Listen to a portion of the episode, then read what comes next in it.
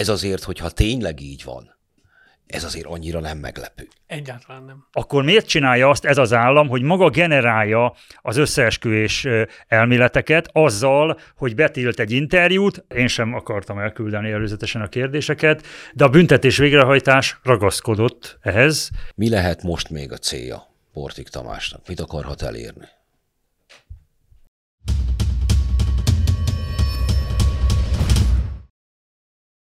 Ez itt az átlátszó podcast adása, és a mai napon először videóval fogunk, fogjuk rögzíteni az adásunkat, ami indokolt is, hogy arccal vállaljuk a véleményünket, mert hát hiszen súlyos figurá, akiről ma mai napon szó lesz.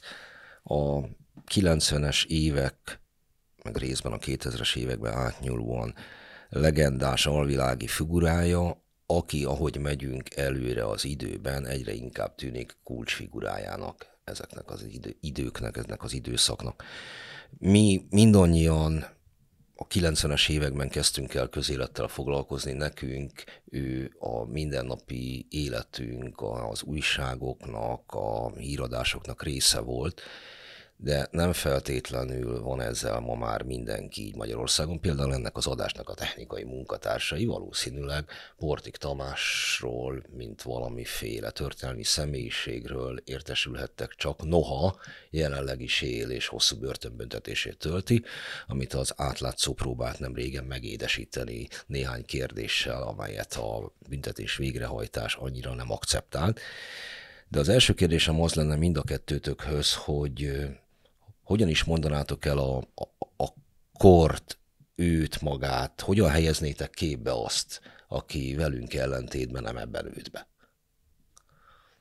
Dezső András, a egyik vendégem, ő a magyar alvilágról írt könyvet, és írt könyvet kifejezetten Portik Tamásról, amelyik nem régen jelent meg. És Paplászló Tamás volt az, aki Portik Tamással nem régen interjút próbált az átlátszó nevében készíteni. Nos, Hát akkor nem tudom, kezded, vagy kezdem? Kezdjed. Szerintem a Timo szakértőjeként Andris kezdje.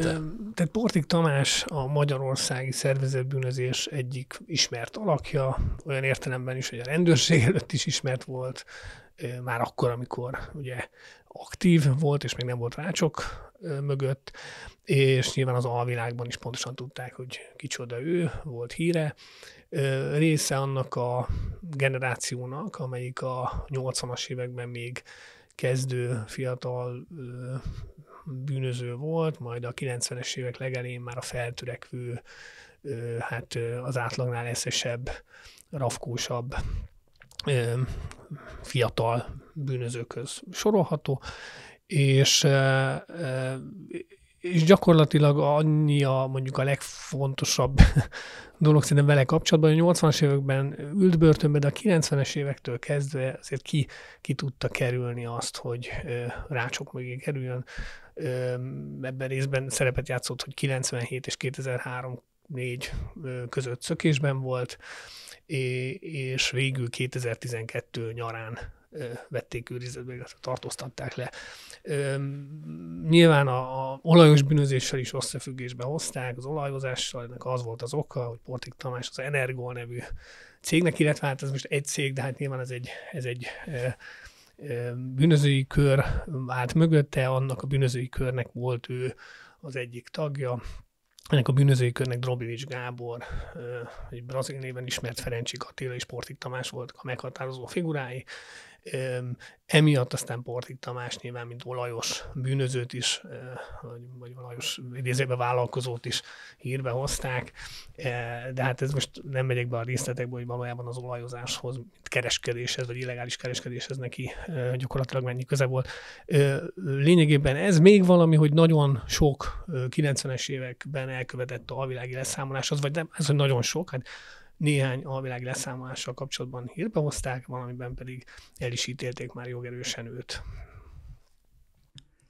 Hát számomra, amikor a András munkássága nyomán én is kezdtem ebbe belemerülni, számomra az volt a kérdés rögtön az elején, hogy ebből a dologból, amit a Portik magáról felépített, vagy amit utána a Portikról állítanak, mennyi az, ami igazolható vagy bizonyítható, mennyi lehet igaz, és mennyi a legenda, és hát erre mondok egy olyat, ami ugye Portik egyik feltételezett, vagy ugye bírósági ítélet szerinti áldozatával kapcsolatban, amit talán jobban is ismerhetünk, ugye a Prisztás József, akit megöltek a feltételezés szerint ugye a Portiknak a felbújtására.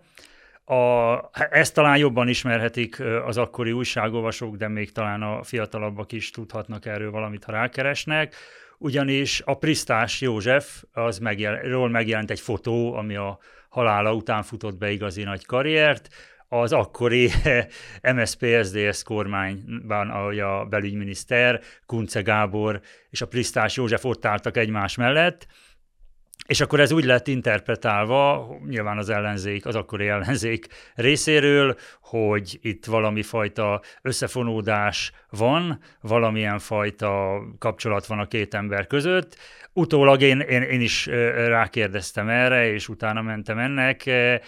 Kiderült, hogy ez egy teljesen véletlenül valami, egy jótékonysági eseményen állt egymás mellett a két ember. Tehát nem valószínű, hogy nekik olyan fajta közük volt egymáshoz, hogy valamilyen formában a Kunce bármilyen formában segítette volna a, a, a Prisztás Józsefet, de e, nyilvánvalóan a Prisztás az felhasználta ezt a fotót is, vagy azt, hogy ő a belügyminiszter mellett áll, a saját legendájának az építésére, és én úgy érzem, hogy a Portik Tamás esetében is rengeteg ilyen dolog van, tehát nekem, nekem van egy olyan érzésem, hogy az, amit neki tulajdonítanak, annak, annak egy része lehet, hogy csak legenda, vagy nem biztos, hogy teljes körűen bizonyítható.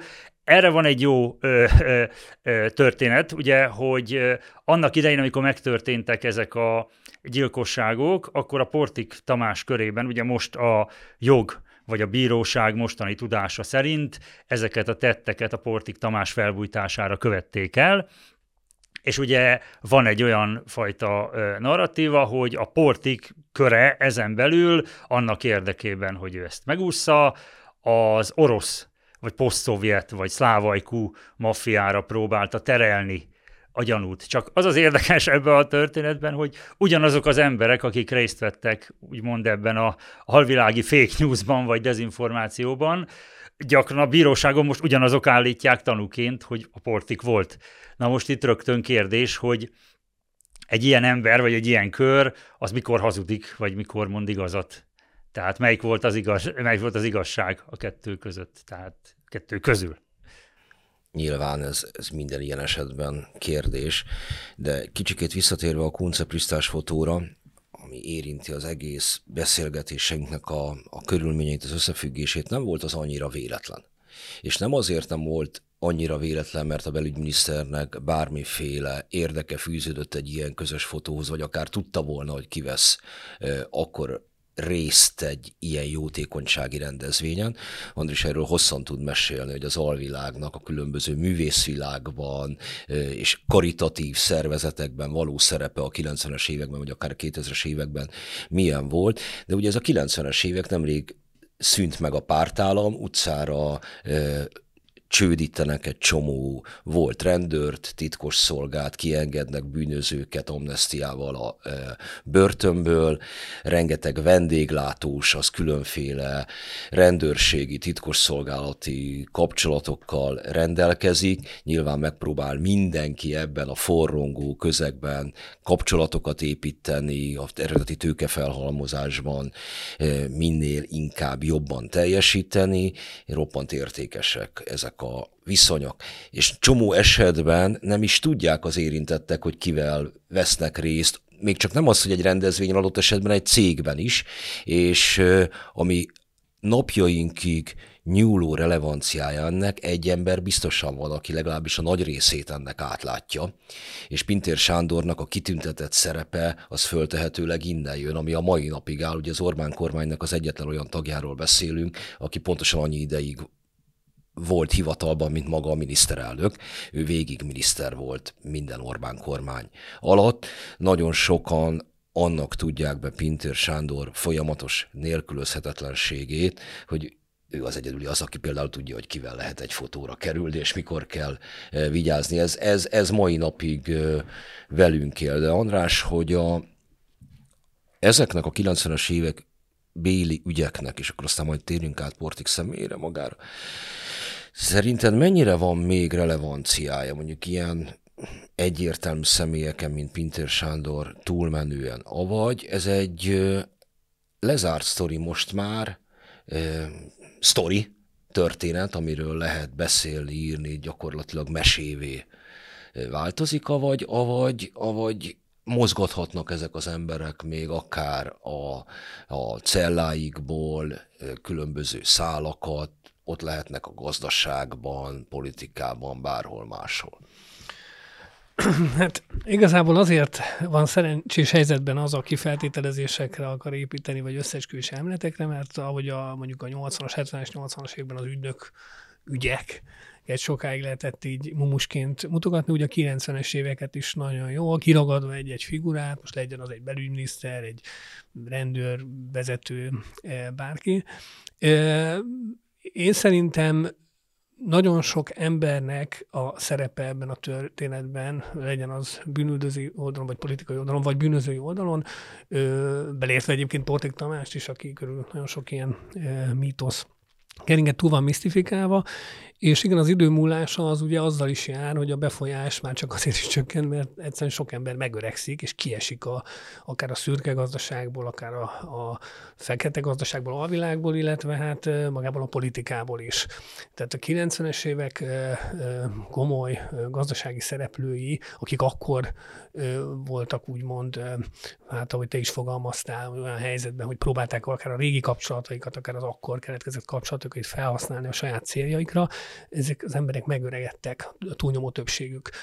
Ha megnézzük a politikában is, ugye azok vannak most már egyébként úgymond kiöregedő félben, akik akkor a fiatal generációt alkották. Nem, nincs ez másképp a, ebben a szürke gazdaságban. És hozzáteszem, hogy Pisztás József szóba került, ugye ő róla, mint kicsit mint bűnöző beszélünk, de hogyha hivatalosan akarjuk venni, hogy ki volt ő, ő klasszikusan a szürke gazdaságban mozgó ilyen uzsorás figura volt, tehát nem voltak olyan, nem volt olyan szerepe, mint mondjuk egy-két ilyen tényleg kőkemény bűnözőnek. Ezt csak azért mondom, hogy nagyon sok ilyen szürke gazdaságban mozgó ember volt, aki én szerintem már már nincs benne úgy, akkor nevezzük így vérkeringésbe, gazdasági, politikai vérkeringésbe. És nagyon-nagyon sok minden megváltozott, ugye a viszonyok is megváltoztak, hát olyan generációváltás következett be, ami, ami, ami miatt én úgy gondolom, hogy a 90-es éveknek ilyen szempontból már nem nagyon van relevanciája, az pedig, hogy valaki még elő tud jönni ezzel, azzal, amazzal, hát én azt gondolom, hogy itt már nagyon sok idő eltelt, és elő kellett volna jönni ezzel, azzal, amazzal, vagy fel kellett volna már használni. Biztos van ilyen, nem tudom de, de én nem gondolom, hogy itt, itt azok az emberek, akiknek érdekükben állt egy bizonyos ponton mondjuk elsütni az ütőkártyáikat, azok még tartogatnak valamit. Persze érhetnek bármikor meglepetések minket. Én tényleg azt gondolom, hogy már ilyen szempontból szerintem nem nagyon van relevanciája a 90-es éveknek. Említetted, András, ezt a karitatív dolgot. Itt ezt rögtön egy kicsit össze lehet kapcsolni a Pintér Sándorral, a jelenlegi belügyminiszterrel, ugyanis a 90-es években működött a Polisz Alapítvány, és annak kapcsán merült fel egy ilyen botrány, hát nyilván a rendőri korrupcióval kapcsolatban, hogy ennek olyan ember, ennek az alapítványnak, ami a rendőrség munkáját támogató alapítvány volt, olyan emberek is adakoztak, akiknek finoman szólva nem lehetett volna, és megjelent akkor erről egyébként egy cikk, ami így kezdődött, hogy ha ön bűnöző, akkor jól teszi, ha befizet a polisz alapítványba, és így folytatódott a cikk, hogy ö, ö, 25 millió forintért Pintér Sándor a nevére veszi önt. 50 millió forintért ön veheti nevére Pintér Sándort, na most a, a fiatalok, nem tudom, a fiatal, fiatalabbak nem tudom mennyire tudják, hogy kiírta ezt a cikket, a Csermely Péter a MediaWorks jelenlegi tartalomfejlesztési vezérigazgató helyettese, és akkor azt hiszem a e, Demokrata, e, Bencsik András által szerkesztett Demokrata e, című lapnak az egyik szerkesztője. Tehát ugye ezt pont a András írta meg, a másik András, a Dezső András a könyvében. Volt egy ilyen jelenet, hogy egy titkosszolgálati vezető bement a Pintér Sándor irodájába, hogy tájékoztassa őt a rendőri korrupcióról, az aktuális jelentésekről, hogy milyen gyanúk vannak rendőrök ellen. A Pintér Sándor inkább nem jött ki az irodájából, gyakorlatilag szó szerint ilyen kiéheztetéses vagy kifárasztásos történet volt, csak hogy ne kelljen fogadnia ezt az illetőt. Én felvetek, van egy olyan, mondjuk azt, hogy mondjuk úgy, hogy hipotézisem, vagy prekoncepcióm, hogy adott esetben az is lehetett az oka annak, hogy ezek az ügyek ilyen későn lettek megoldva, vagy találtak rájuk egy ilyenfajta jogi, büntetőjogi megoldást, az, hogy a, én nem vagyok jogász, de hát azt én is tudom, hogy a gyilkosság az egy viszonylag nehezen romló büntetőjogi termék. Tehát Elé, elévülő nehezen, nehezen elévülő büntetőjogi konstrukció, tehát gyilkosságért még évtizedek múlva is el lehet adott esetben ítélni embereket. Ezzel szemben a hivatali visszaélés a rendőri korrupció, vagy mindenféle ilyen történetek, azok ennél jóval gyorsabban elévülnek, tehát az, hogy mondjuk a 2000, ha 2000-es évek elején oldódtak volna meg így vagy úgy alappal, vagy alap, kevésbé alaposan, de megoldódni ezek az ügyek, hogy megneveznek gyanúsítottat, akkor ott sokkal nagyobb esély lett volna, hogy azok a korrupt rendőri vezetők, politikusok, rendőrtábornokok, bárkik is, akik Ebben és azzal zárnám ezt a gondolatot. Az is lehet egyébként, hogy a portik körüli idézőjelben balhé, aminek része ez az interjúletítás, nem biztos, hogy arról szól a 90-es évek gyilkosságairól. Nem biztos, hogy arról, hogy abban Portik bűnöse vagy nem, hanem azt tudjuk, hogy Portik pont a 2000-es évek elejétől, tehát úgymond a vértelen időszaká, időszakban, amikor már nem kevésbé voltak ilyen leszámolások, kezdte el azt, hogy gyakorlatilag minden beszélgetését, szinte minden beszélgetését rögzítette. Ez ilyen több száz vagy több ezer órányi ilyen magánarchívuma lett neki ilyen különböző adathordozókon, Na most egyetlen példa, tehát lehet, hogy az az ember, akivel a Portik beszélgetett, amikor ő egy úgymond üzletember volt, filmeknek a technical advisor-e, meg különböző ilyen már nem igazán feltétlenül az alvilághoz kötőtő vállalkozás, média vállalkozásnak a tulajdonosa, lehet, hogy akkor az az ember egy teljesen alacsony vagy középszintű beosztásban lévő ember, akkor neki nem is lett volna kellemetlen, hogy ő a Portikkal beszél. Egy másik kontextusban azt tekintve, vagy esetleg abból az emberből, aki akkor a portikkal beszélt, mi lett, rettenetesen kellemetlen lenne neki most adott esetben, nem a gyilkosságuk miatt, nem, volt, nem ahhoz volt köze, hanem ahhoz, hogy a portikkal ők esetleg más ügyekben tárgyaltak, fogalmazunk így. Az Nyilvánvalóan nem kérdés, mert hát hiszen emberi társadalomról van szó, és egy ország elitjében nagyon sok ember helyezkedik el, és közé mindenképpen befurakodhatnak, be is furakodnak olyanok bármelyik országban, akik tisztában vannak azzal, hogy bűnözőkkel tárgyalnak, és adott esetben bűnözők veszik meg őket. Szóval ilyenek vannak, tudott és, és egyértelmű dolgok, de igazából ahhoz, hogy az egészet feltárjuk, nekem legalábbis sokkal érdekesebbek a spontán folyamatok. És én érteni vélem, a legjobb, ha a legjobb szándékot feltételezzük Pintér Sándorról, hogy miért nem jön ki egy ilyen szituációban a szobájáról. A szenzáció média az már a 90-es években is maximális hőfokon dübörgött, és nagyon könnyű összekapcsolni, összeesküvés elméletbe ágyazni emberi kapcsolatok, mindenféle szöve növényét. Annyit mondjunk el Pintér Sándorról és az egész helyzetről, Dezső András munkásságát pár mondatba összefoglalva, hogy ő azért kulcsfigurája és tudora ennek az időszaknak, mert az első szervezett bűnözéssel kapcsolatos nyomozás, az úgynevezett presztízs ügy, az úgy jött létre a rendőrségen, hogy először foglalkoztak tudatosan adatelemzéssel, kapcsolati hálók felderítésével, és tárták azt fel, hogy hogyan működnek a 70-es évek végétől 80-as elején betörő bandák Budapesten, és milyen külföldi megrendelésre.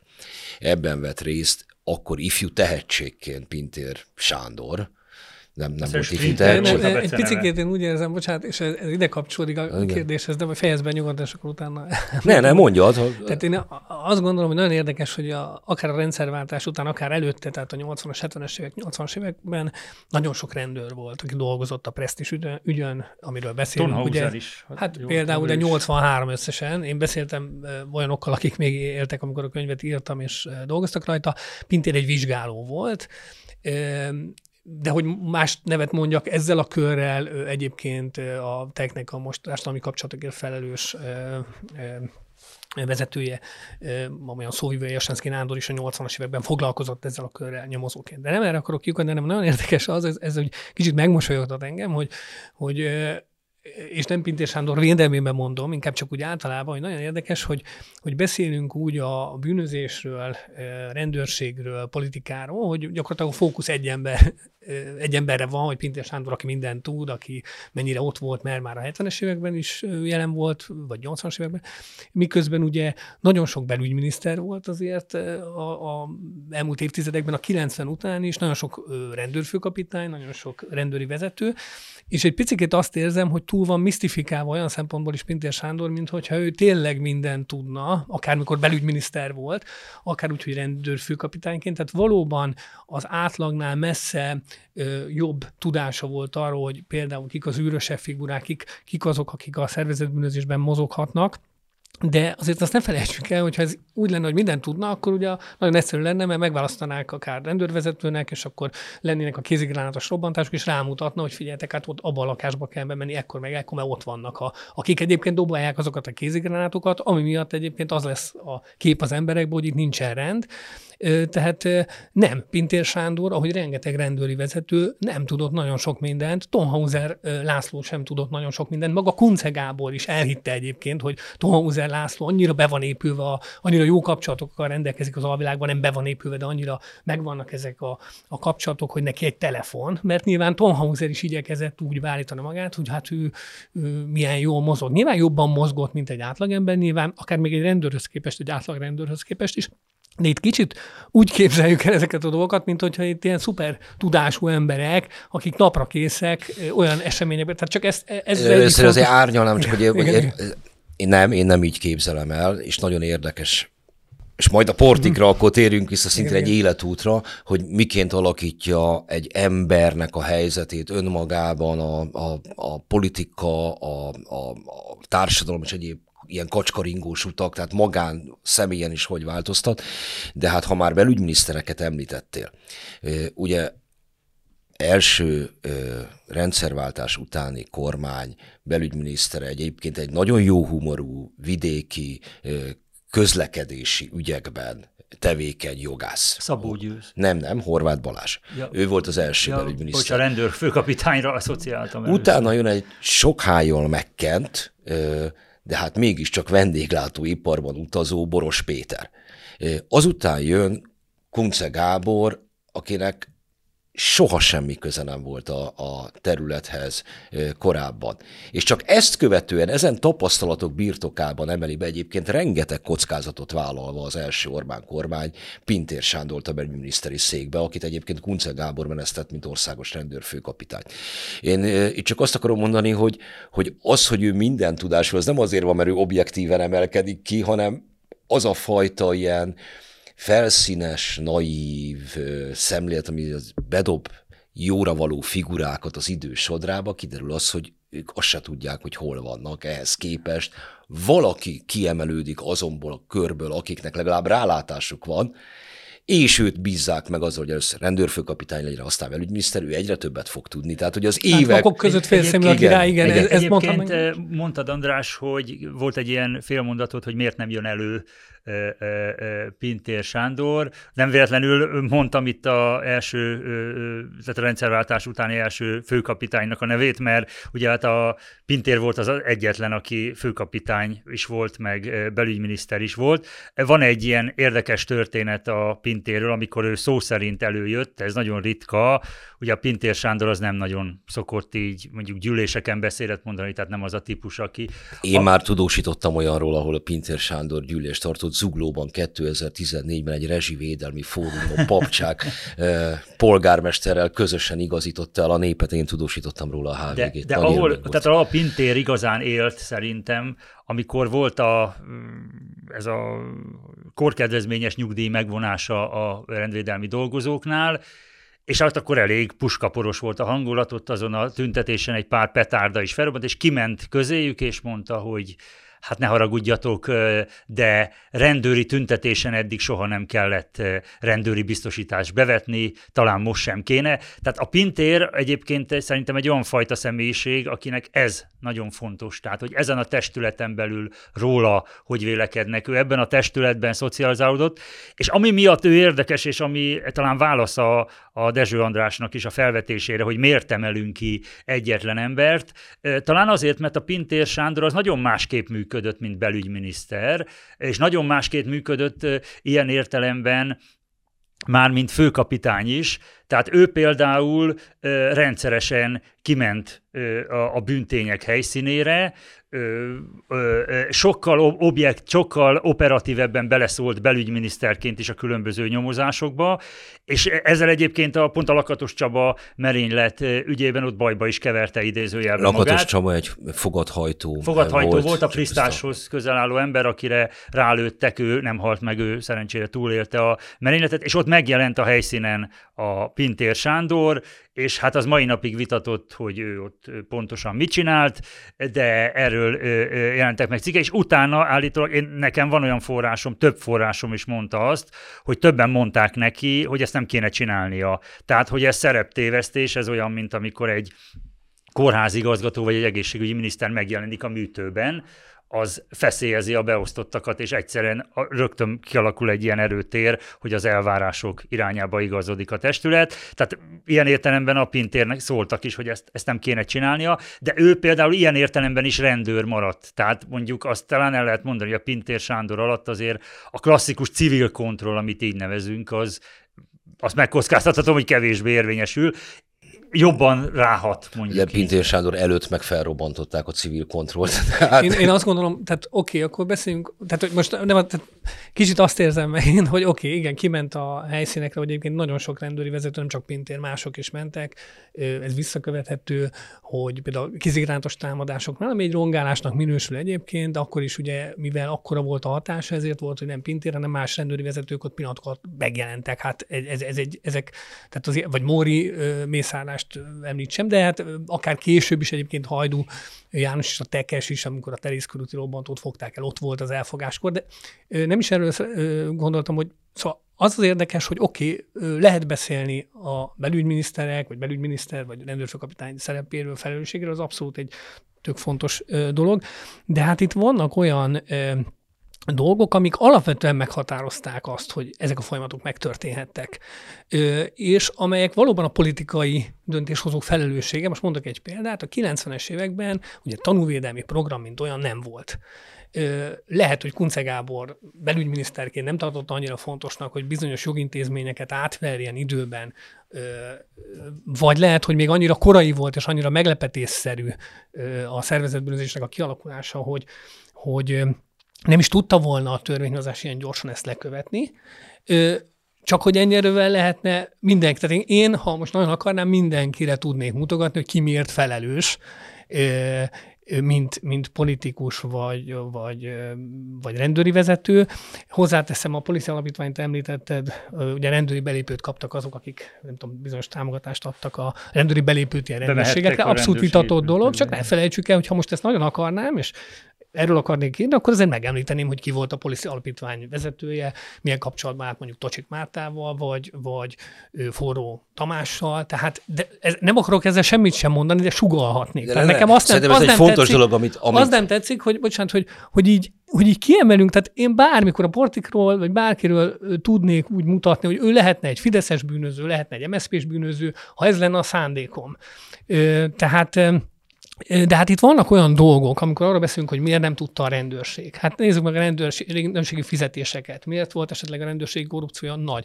Miért volt az, hogy, hogy a, a bűnöző jobbnak látta nem együttműködni a rendőrökkel? Mert pontosan tudta, hogy fel fogják robbantani. A cikkedben, amit a könyvről írtál, említett például M. Tamást, aki egy vidéki, veszprémi fiatal srác. Ő felhozták, kézigránátos Igen, a kézigránátos támadások bevonták, felhozta az az ember, aki a rohácsot egyébként Magyarországra Behozta, felhozta Veszprémből, egy ilyen semmi pénze nem volt a srácnak, berakták annak a brazilnak a lakásába, aki az Energóhoz köthető, ahol egyébként a Fortik is megjelent, igen, és onnan szépen elmentek, és megmondták, hogy itt van ez a izé, menj oda, dobd a Mercedes alá. Meg voltak ilyen tám, ott a pizzeria, dobd oda. M. Tamás, ö, aztán elkapták a rendőrök, ö, és vallomást tett. És elmondott mindent. Hát nem volt egy profi bűnöző, egy Veszprémi kis egyszerű gyerek. Elmondott mindent tökéletesen, hogy kik voltak a lakásban. Nyilván nem ismerte a portikot, de személyleírást tudott adni róla. Ő, majd 2000-ben ezt a vallomást visszavonta. És a, pont a cikketben írtad, és itt is pintérre akadták, és szóval nekem kicsit ilyen pintér fókusz az egész, hogy de miért vonta vissza M. Tamás a vallomását, hozzáteszem életveszélyesen megfenyegették, ez a kör, 2000-ben, hiszen akkor már Pintér Sándor volt a belügyminiszter, hiszen hát Pintérnek csak lett volna annyira fontos. Hát egyrészt szerintem Pintér lehet, hogy nem is tudta, hogy ki az az M. Tamás, és milyen vallomást tett, de 2000-ben másfél évvel vagyunk Boros Tamás felrobbantása mögött. Köztudomású volt Boros felrobbantásakor, hogy azért ölték meg, mert beszélt, mert együttműködött a rendőrökkel. Nem volt tanúvédelmi program, semmilyen védelmet nem kapott volna az a csávó, csak mondom, 2001 novemberétől lett az a jogszabály, ami lehetővé tette a tanúvédelmet. Tehát, hogy úgy ítélkezünk a 90-es évek felett úgy mondunk véleményt bizonyos embereknek a magatartásáról, mozgásáról, ö, viselkedéséről, hogy a kontextust nem is bontjuk ki, hogy oké, okay, de akkor hát azért, egészen ezért, más ez, közeg volt. Ezért vagyunk itt, András, és ezt a más közeget tudjuk ért. De egyébként tehát, annyi, tehát annyiban reagálnék, hogy egyébként az is, hogy mondjam, bizonyos értelemben megtévesztő volt, vagy nem tudom, a rend, az akkori korabeli rendőrség részéről volt egy érdekes dolog, hogy legalábbis a sajtóban akkor a Boros Tamást azt úgy emlegették, hogy sztártanú tanú, védett tanú, a rendőrségnek a tanúja, akkor a, ennyiben a, talán felvethető nem a pintér, bárkinek a felelőssége, aki ott volt, hogy olyan látszatot keltett, akár a Boros Tamásban, akár a közvéleményben, hogy őt meg fogják védeni, vagy ő valamilyen Pintér nem volt. védelmet kap. Csak ezek szerint például a Boros Tamás sem kapta meg Hát de bocsánat, Pintér védelmet. nem is volt, még csak belügyminiszter sem, de rendőrség... Nem, bárki, a rendőri hát jó, csak azt közül, mondom, akik akkor Hát persze, mert van voltak. egy olyan történet, hogy közben rivalizálás volt a rendőri vezetők között, a rendőrség között, közben a bűnözők is egymás egymással ö, rivalizáltak, és mivel nem volt normálisan letisztázva, például egyébként ez sem, hogy hogy lehet ügynököt tartani, így mindenki a saját tégláján hozta előtérbe, nagy volt a rendőrségi korrupció, csak azt mondom, hogy bocsánat, de ezt ö, akár egy ember, tehát vegyük végig, lehet külön könyvet írni, vagy lehetne a rendőrség a, a politika felelősségéről, csak csak nekem az a furcsa, hogy így a, akár a kommentelők, akár így a közbeszédben ki van említve egy ember, aki egyébként teszem azt, akinek a belügyminisztérsége alatt egyébként a tanúvédelmi programot... Eh, tehát De azért, azért, azért, András, mert ő például jelen pillanatban pozícióban van, és, mérhetet, és mérhetetlenül szűkült le a figyelem az éppen aktuális nyavajákra. Az emberek arra kíváncsiak, hogy a, az ő életükön majd valami politikai változás hogy lendít, és biztos azért van, mert aki most ott van, az valami nagyon-nagyon gonosz, és ha azt eltem, ugyanez volt már a Gyurcsány írában. De, de ugyanezt el lehetne mondani, bocsánat, a egyébként tudok választ uh-huh. arra, hogy miért alakul ki, a, miért alakulnak ki az összeesküvés elméletek, vagy miért alakul ki egy pintérmánia, uh-huh. vagy pintérfóbia. Hát a Pintér Sándor jelen pillanatban a hatalomban lévő, vagy a hatalmat gyakorló belügyminiszter, ha, tehát neki a legfőbb érdeke lenne, és egyébként a végrehajtó hatalomnak általában, hogyha ilyen összeesküvés elméletek vannak, azokat cáfolja, és arról próbálja meggyőzni a közvéleményt, hogy nincs semmi ilyen, tehát a Portik Tamás nyugodtan beszélhet, elmondhatja azokat a dolgait, amik szerintünk hülyeségek, úgysem megy vele semmire, hiszen egyértelműen be van bizonyítva, hogy Portik Tamás bűnös, az állam ezt jogszerűen, szakszerűen bizonyította.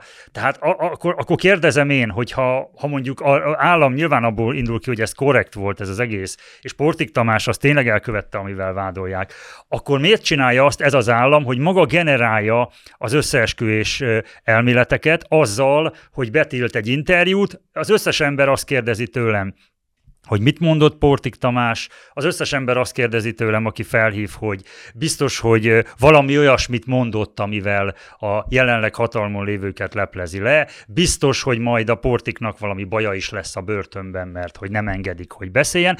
Ezt a helyzetet, amiben ilyen összeesküvés elméletek alakulnak ki, ezt a Pintér, egyébként a Pintér Sándor által felügyelt, a belügyminiszter által felügyelt büntetés végrehajtás hozta létre azzal, hogy teremtett egy olyan helyzetet, amiben sokkal többet beszélnek egy betiltott interjúról, mint az elkészített interjúról beszéltek volna, és akkor hadd ne folytassam.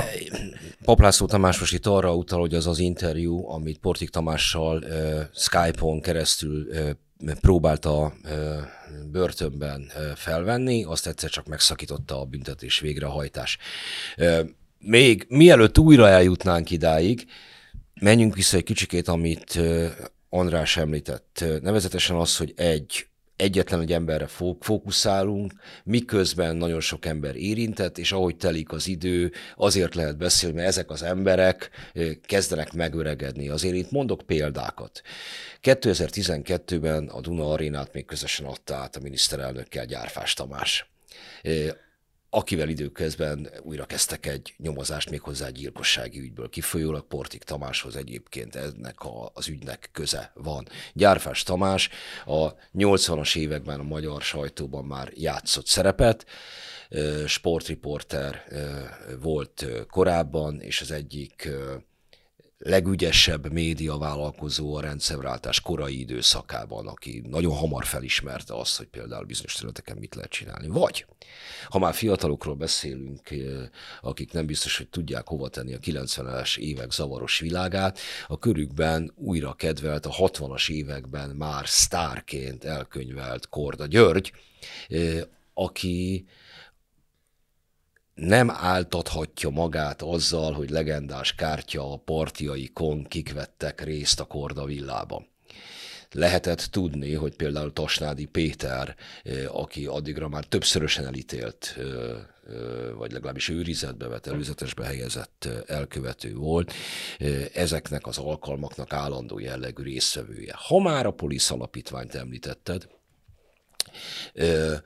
volt ugye egy Zsaru magazin névre hallgató újság is. Egy millió tanú megjelent a Zsaru. Igen, még a szlogent is ismerem. Amelynek, amelynek főszerkesztője és a magyar sajtó egy emblematikus figurája, a mai napig nagyon harcos politikai vélemények artikulálója, magyarázkodásra kényszerült, hogy miért van méregdrága órája a szervezet bűnözés jeles alakjától.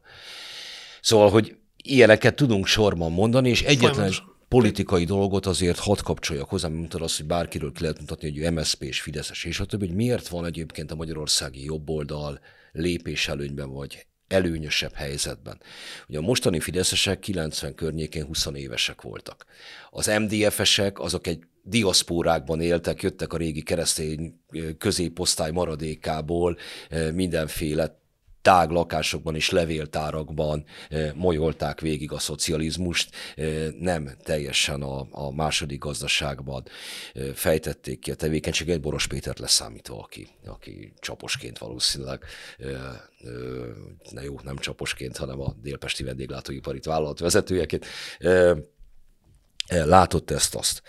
Ellentétben mind a Magyar Szocialista Párt, tehát értelemszerűen utódpártról van szó, tehát mind az államigazgatásból, mind a, a vállalatvezetésekből eh, számtalan figurája származott, mind pedig a művészeti élettel e, szimbiózisban lévő Szabaddemokraták Szövetsége befutott emberek vagy éppen befutó embereknek a, a garmadáját alkotta, hozzájuk volt könnyű kapcsolatot találni, sőt, hát természetes módon kapcsolatban is álltak olyan emberekkel, akik mondjuk 87-ben még nem voltak bűnözők, 92-ben pedig már a lehetőségeknek a megrészegedése miatt már azok lettek.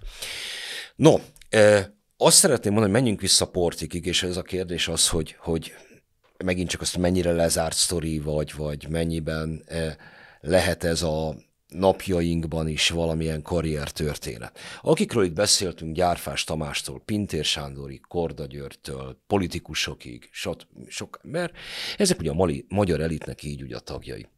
Portik Tamás egy ö, ö, intézetben nevelkedő csibész. aki a 80-as években telefonfülkék feltöréséből keresi a kenyerét. De a itt többször szóba hozott Prisztás József Feti is fiatal kölyökként egy hamis kártyás karolja fel.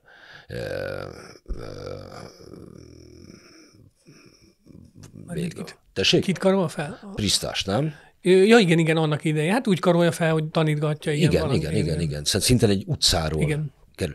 Ehhez képest kerülnek politikusokkal, bankárokkal, média személyiségekkel egy, egy szintre, és most is együtt emlegetjük őket, ha Portik Tamás megszólal, vagy nem szólal meg, az még mindig bír akkora jelentőséggel, mint hogyha egy, nem az, hogy egy államtitkár, teljes államtitkári kar tartana sajtótájékoztatót. Hogy képzelhető el ez a, ez a karrier? Lehet-e még most ilyen, vagy ez teljes egészében csak a korral magyarázható? Hogy futhat be valaki ilyet? A 90-es években nagyon sok olyan ö, sikeres üzletember volt, vagy hát voltak ilyenek, akik, akiknek bűnözői múltjuk volt, csak esetleg nem is tudott erről a, a közeg, amiben mozogtak. Gondolok itt olyan emberekre, akik a, például az Egyesült Államokban éltek a rendszerváltás előtt, mert diszidáltak valamikor. Ö, volt olyan, aki börtönben is ült, ö, később. Kihagytak a szaknősorból. Igen, így van, így van.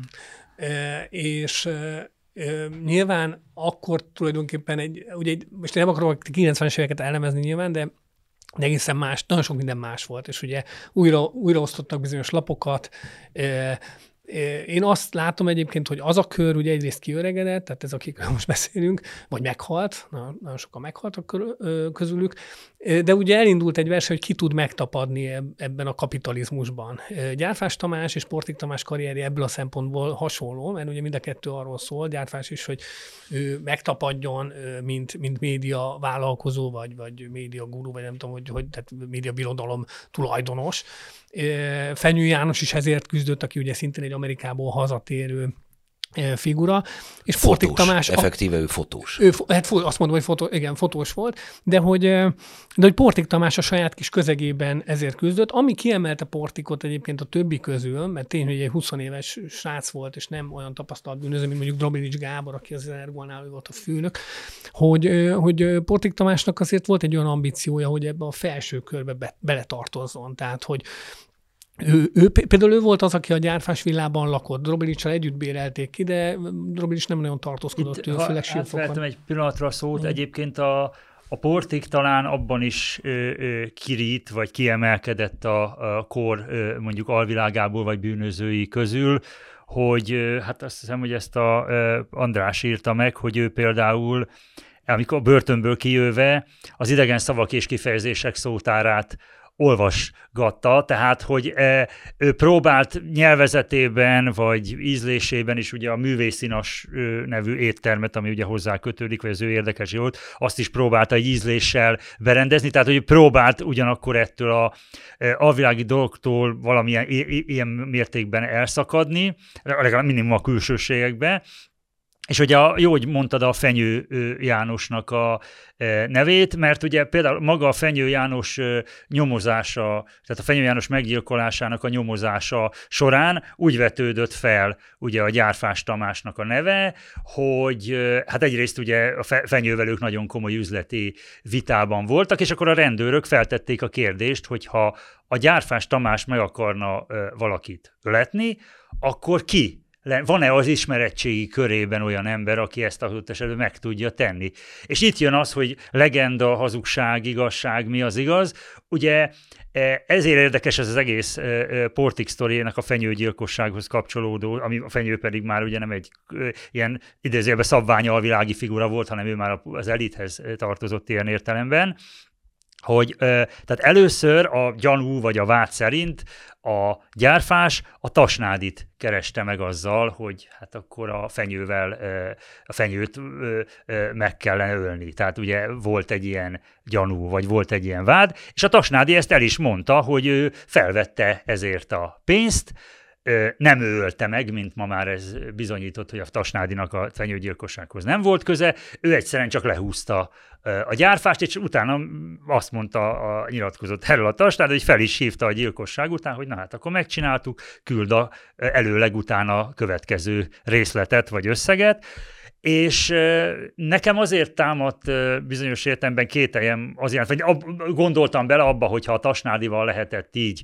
akkor nem történhetett volna meg ez a portikkal is, mert én beszéltem olyan forrásokkal, akik azt mondták, hogy egyébként a portik esetében az a kapcsolat, ami a fenyőgyilkossághoz viszi őt, az közvetettebb. Tehát, hogy a furcsa mód a cselekményt meg nem tevő és abban ilyen értelemben ártatlan Tasnádi Péter ellen erőteljesebb vagy közvetlenebb volt ilyen értelemben a kapcsolat, mint, meg a bizonyíték, mint a portikhoz. De most én nem akarok ebben ítéletet alkotni, vagy igazságot tenni, csak ez, ez önmagában visszavisz oda, hogy itt ho, mi a legenda, mi a, mi a valóság, mi az igazság. Tehát... Rohács, Rohács DNS-ét megtalálták a sapkában, Tasnádi Péter nem ismerte Rohácsot.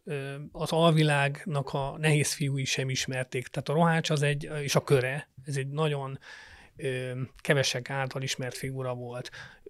Érdemes megkérdezni a forrásottól, hogy ő miből gondolja, hogy Tasnádi, tehát hogy kapcsolódik, vagy miért van közelebb az ügy megoldása, az itt a végrehajtásra gondolok, nem a megbízásra Tasnádi, hogyha a ruhás DNS-ét találták Nem, a Tasnádi az nem volt, nem azt mondom, hogy ő, nem, nem ő volt. Ja nem, nem, a, más, a másik, mondom, hogy, hogy én, én, én, én, én, ugye a könyvemben is azt a folyamatban lévő eljárásokat nem is említettem, vagy nem, tehát én nem nem fogok, és nem is várható el tőlem, hogy ilyen, ilyen olyan dolgokat, dolgokra mondjak ítéletet, amit a bíróságnak kell majd kimondania. De a kérdésedre válaszolva, tehát, hogy ma elképzelhető-e az, hogy így egy utcagyerek felemelkedik?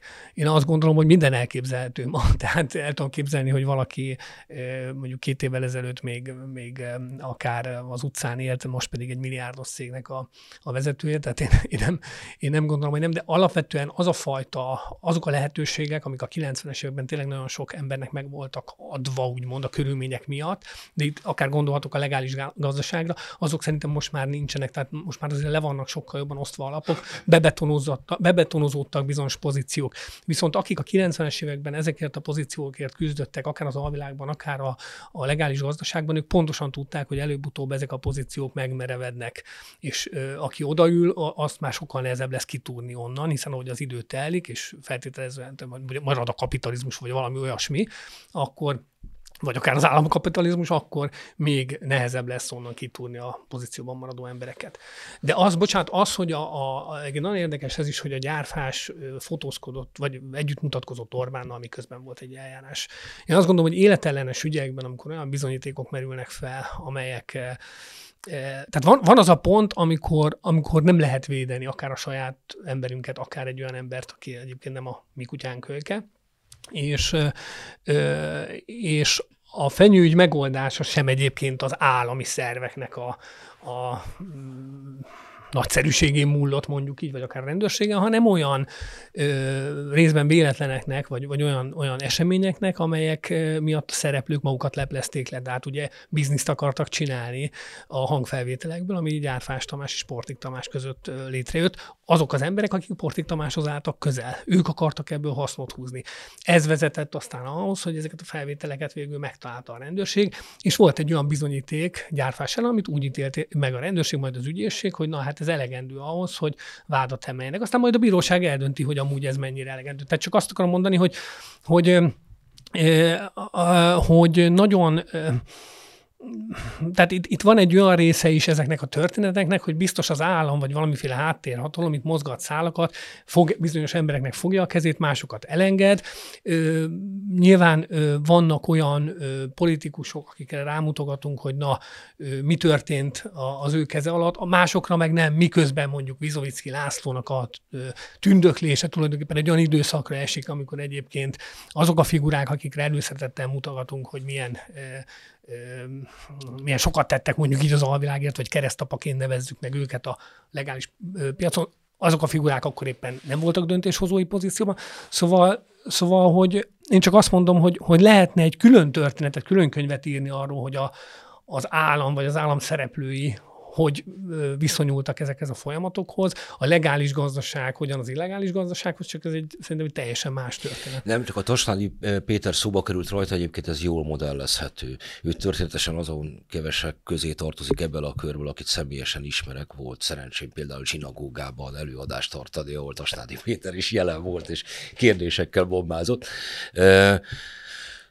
Tasnádi Péternek a rokona a 70-es, 80-as évek sztárnyomozója Láposi Lőrinc, aki egyébként kiméletlen és jó rendőr volt.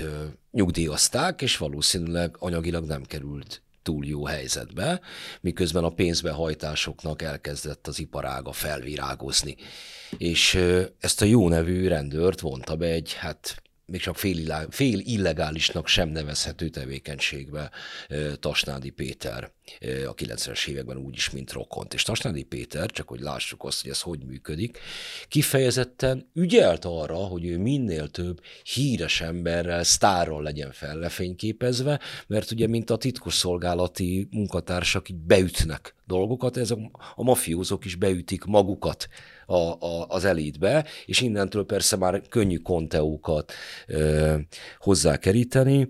Ö, emlékezetes az a felvétel, hogy Tasnádi Péter áll a villájának az erkén, és Mága Zoltán húzza neki a talpalávalót.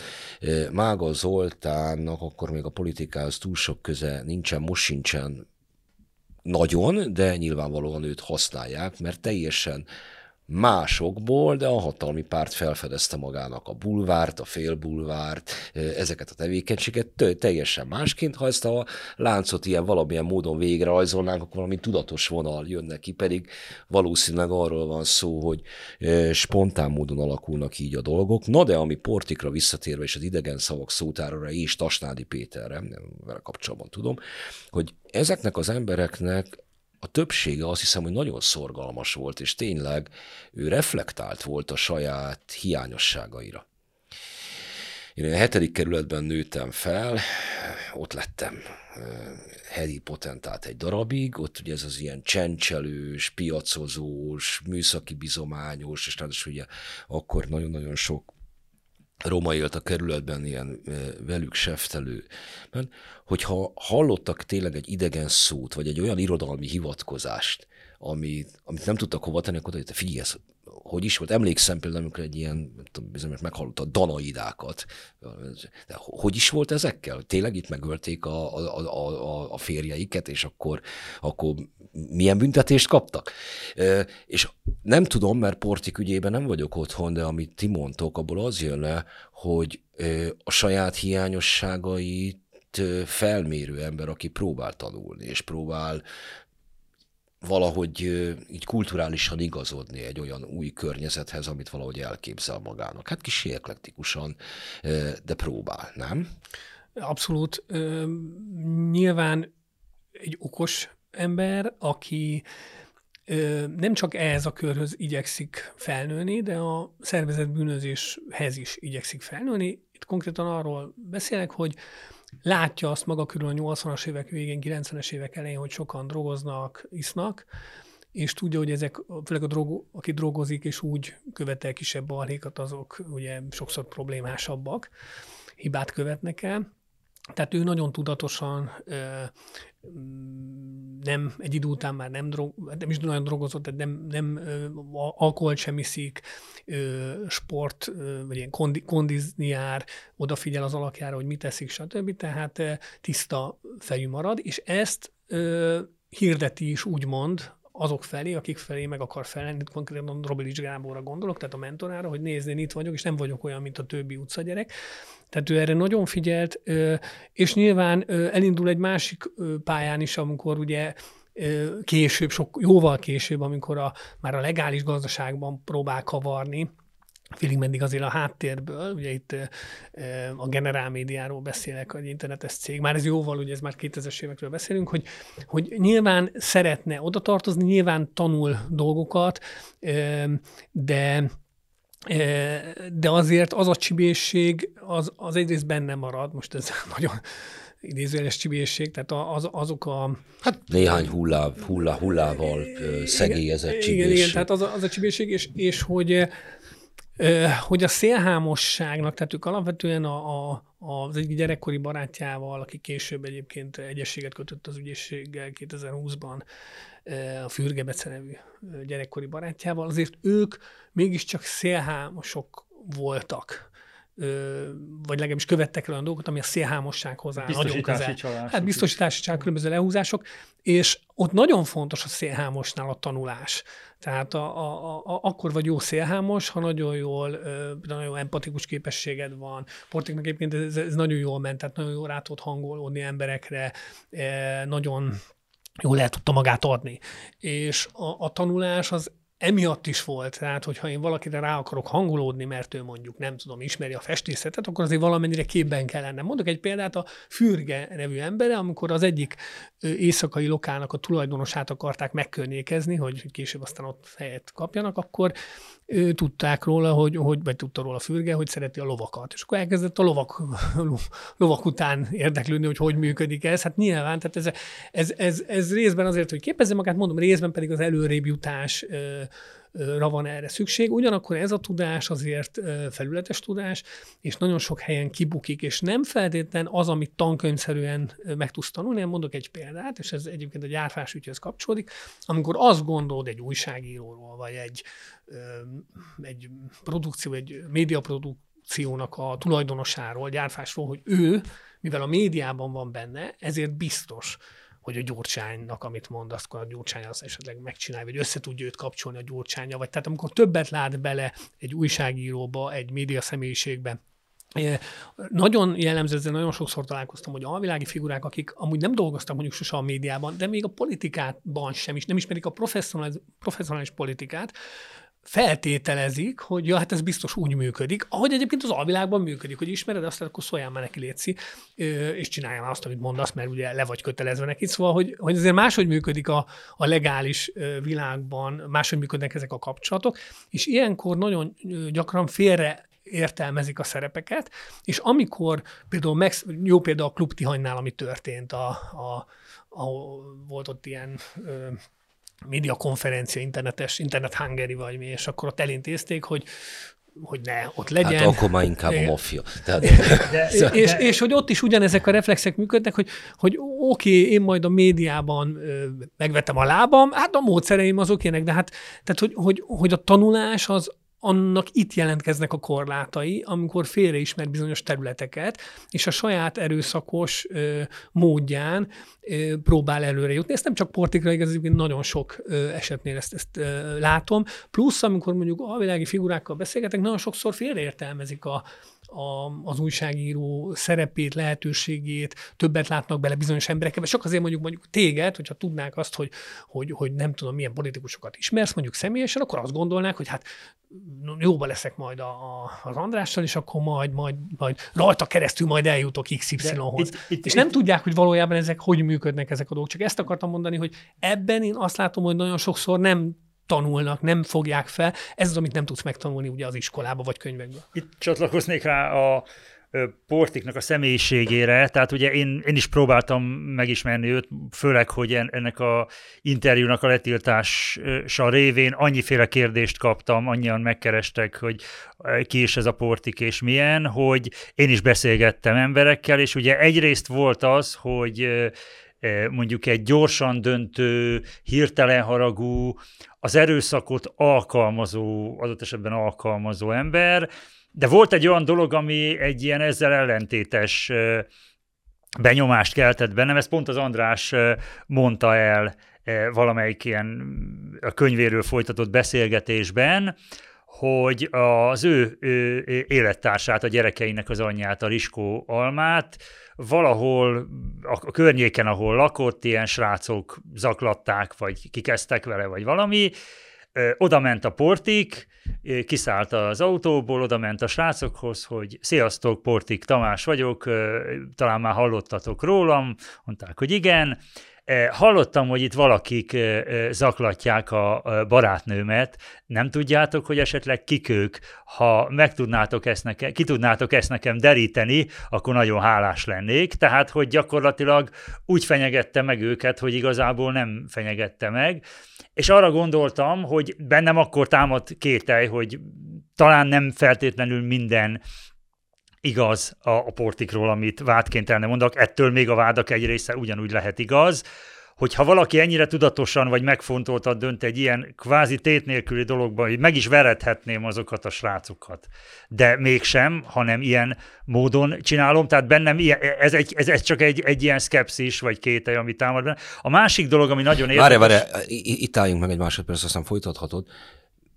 Mennyire manipulatív ő? Nagyon rendkívül. Egyébként ez az eset, ez azelőtt történt még a, a Muskovics, tehát az első olyan emberülés ö, előtt, amiről nem tudjuk, hogy ki követte, vagy ki volt a felbújtó, maradjunk annyiban, de még akkor úgy mondom, hogy azelőtt ö, következett be, hogy bekövetkeztek volna a véres események, tehát ez, a, ez az almás dolog, de ö, az nagyon fontos, hogy azért is volt nehéz a dolga a hatóságoknak bizonyítani, vagy továbbra is nehéz. Vannak egyébként olyan ügyek, ahol nem is nyomoznak, ö, ö, hogy Portik állhat, vagy állt mögötte, mert valóban nem így csinálta. Tehát nem, nem ő ment oda mondjuk és lőtt fejbe valakit.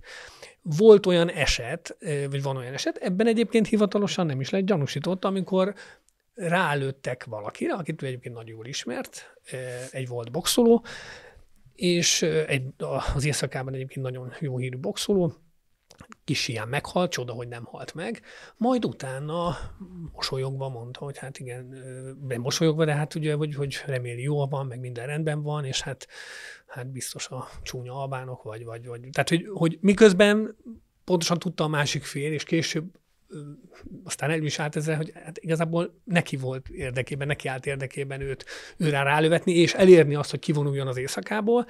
De ugye ez a válasz arra is, hogy igen, sok ilyen ember volt, aki pontosan tudta, hogy ő volt az, de egyrészt hülye lett volna beszélni a rendőrökkel, vagy maximum jegyzőkönyvön kívül, itt konkrétan ebben az esetben jegyzőkönyvön kívül elmondta az egyik egyébként egy ismert nyomozónak, hogy hát egyébként a portik volt. Tehát az jellemző volt rá, hogy, hogy nagyon jó konspirál, és a konspirációba, a tervezésbe ez is beleszámított, tehát hogy, hogy nyilván nem ő fog oda menni, hát a roháccsal sem a portig találkozgatott, hanem a fürge például, hogy csak egy példát mondjak, a, a futár ő volt, tehát volt egy közvetítő, és nagyon sok esetben így oldotta meg. Ez nyilván megnehezíti, és ez általában a szervezet bűnözésre jellemző, ez megnehezíti a hatóságok dolgát. Hát azért itt van a fenyőügy. Gyárfás Tamás, én nem tudom, hogy sikerül rábizonyítani, hogy egyáltalán fel, a felbújtói szerepet, vagy Portik Tamásra fogalmam sincs.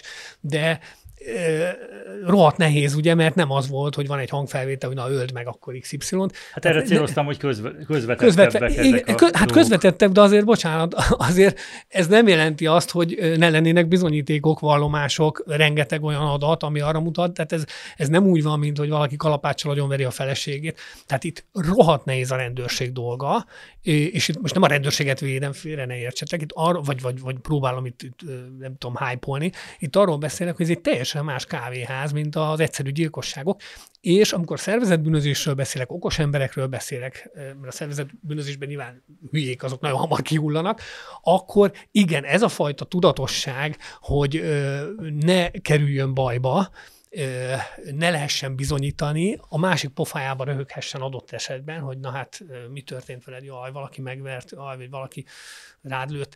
Tehát, hogy ezt megtehesse, azért ez ennyi, ennyi fajta elővigyázatosság kell. Jó példa talán az, hogy a, például az Energol, ezt kevesen tudják, vagy hát kevesen a könyvben megírtam, de nem. Az Energol ugye gazdasági olajügyek miatt volt az első magyar FBI, idézőjelben a KBI, Központi Bűnözési Igazgatóság látókörében pontosan tudták, hogy ezek gázos figurák, pontosan tudták, hogy olajoznak, és közük lehet erőszakos bűncselekményehez, ergo egyébként a kézigránatos támadásokhoz 97-98 körül a rendőrök tudták, hát a Boros is ugye beszélt, mint informátor a KBI-nek.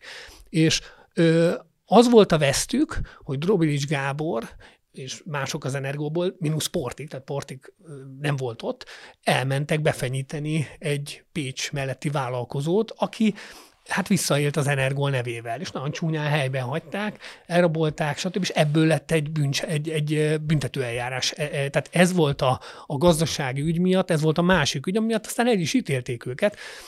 Tehát elkövettek egy hibát hogy oda mentek, valakit megvertek, és az a valaki, az később azt mondta, hogy igen, tett vallomást, hát neki már mindegy volt, hát szarrá verték.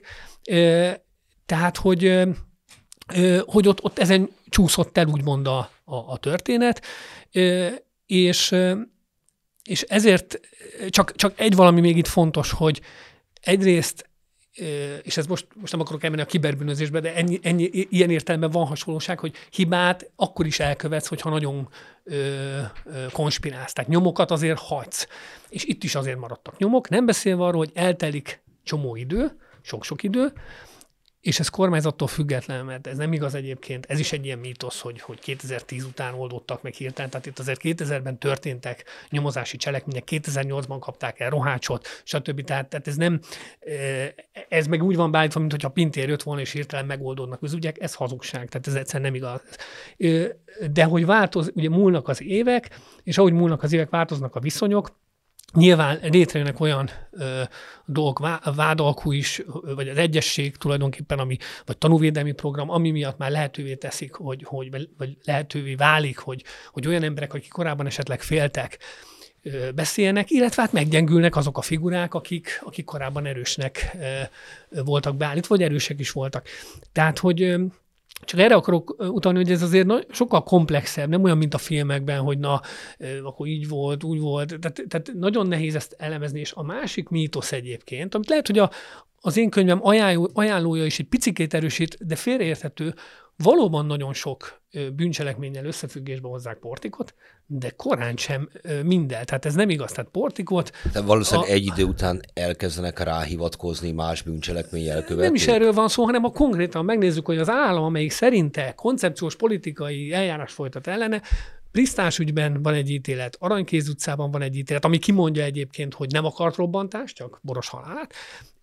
Cinóber ügyben felmentették, lakatos ügyben, ahol egyébként az elkövető maga mondja hogy Portik volt a megbízó, a lakatos elleni merénylet, illetve a Gyüre ügyben, ahol szintén az egyik elkövető részletes vallomást tett, tehát ezekben ítélték el eddig, valamikben még csak első fokon. Ott van a fenyő ügy, amiről nem tudjuk, mi lesz a végkimenete. Na most, hogyha itt egy tényleg egy olyan erőteljes ilyen, ilyen koncepció lenne, hogy Portikot mindenképpen börtönbe kell zárni, és ott kell, hogy rohadjon meg, akkor még nagyon sok ügy lenne, amit elővehetett volna a rendőrség. Nyilván volt olyan ügy, amiben a rendőrök is úgy ítélték meg, hogy ez még kevés, volt már bizonyíték, volt olyan ügy, gondolom, amit ö, ö, amiben szinte nem is volt ö, elegendő bizonyíték, és ö, és nagyon sok alvilági gyilkosság van, ami, ami nem is hozzá köthető, tehát amit a rendőrök sem gondolnak itt. Tehát ne állítsuk be úgy, mint a nagy mártírt, akihez minden gyilkosságot kötnek. Én azért tartom őt ilyen szempontból érdekes figurának, mert valóban a nagy port kavart gyilkosságok, tehát fenyőügy, ehhez kötik,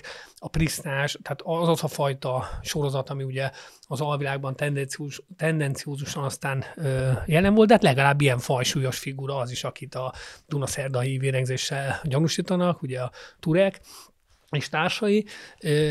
Csak, csak ezt akarom itt tisztában tenni, hogy itt nem az van, hogy az állam az fogja, és akkor bezárja egy nagy karitkába. A másik, hogy igen, nem adhat interjút ezek szerint. Én próbálkoztam, nem is akart nekem interjút adni, igaz, én nem küldtem el a kérdéseket, hanem elmondtam, hogy az életéről, illetve hát a, nyilván a ezekről a dolgokról Bocsánat, nekem, nekem, tehát a kérdéseket én azért küldtem el, én sem akartam elküldeni előzetesen a kérdéseket, de a büntetés végrehajtás ragaszkodott ehhez. A Kér, kifejezetten kérték, hogy küldjem el a kérdéseket, tehát hogy, és utána ugye egyébként ezekre a kérdésekre hivatkozva ö, ö, tiltották meg az int- a megszakított interjúnak a folytatását, de egyébként, hogy, tehát, hogy tényleg mennyire árnyalt lehet ez a történet, vagy én el, simán el tudom képzelni, hogy a Portik Tamás bizonyos esetekben bűnös, tehát nem erről van szó, itt nem arról vitatkozunk, hogy én azt állítom, hogy a Portik Tamás ártatlan, az András meg azt mondja, hogy bűnös, de például nagyon jó, tehát nagyon jó példa erre az, amit az András felhozott, az Aranykéz utca, ahol azért kapott csak 13 évet a portik, mert ő csak és kizárólag a Boros Tamásnak a likvidálására adott, ez egyik tanúvallomás szerint, utasítást, és a megbízott vagy a felbújtott ember az túl terjeszkedett ezen, ő nem lőtt, tehát nem egy embert akart csak megölni, hanem robbantott és felrobbantott egy egész utcát, és akkor feltehető a kérdés, hogy lehet, hogy több egy ilyen fajta merényletnek több célja is lehet, tehát, hogy a Portik Tamás akar valamit, esetleg utal is rá, hogy akkor szeretné, ha az az ember meghalna, és itt azért érdemes szót ejteni arról, ami kevesebb szó esik, hogy Várj, van azért... egy picit. Ugye Aranykéz utcai robbantás 1998, ez megrázza az országot, ott meghal egy ártatlan ö, ö, pár család. Két, két ember meghal, nem pár, de két, két úgymond civil plusz egy ügyvéd plusz Boros Tamás. Igen. Mennyiben fordulópont ez? Ugye akkor lép életbe egy új kormány, jön ugye Pintér Sándor, de hogy lehet ez csupán a véletlenek egybeesése ilyen hát módon? Akkor még, pont akkor volt egyébként az átadás, átvétel azon a napon is, tehát nem volt még Pintér hivatalban.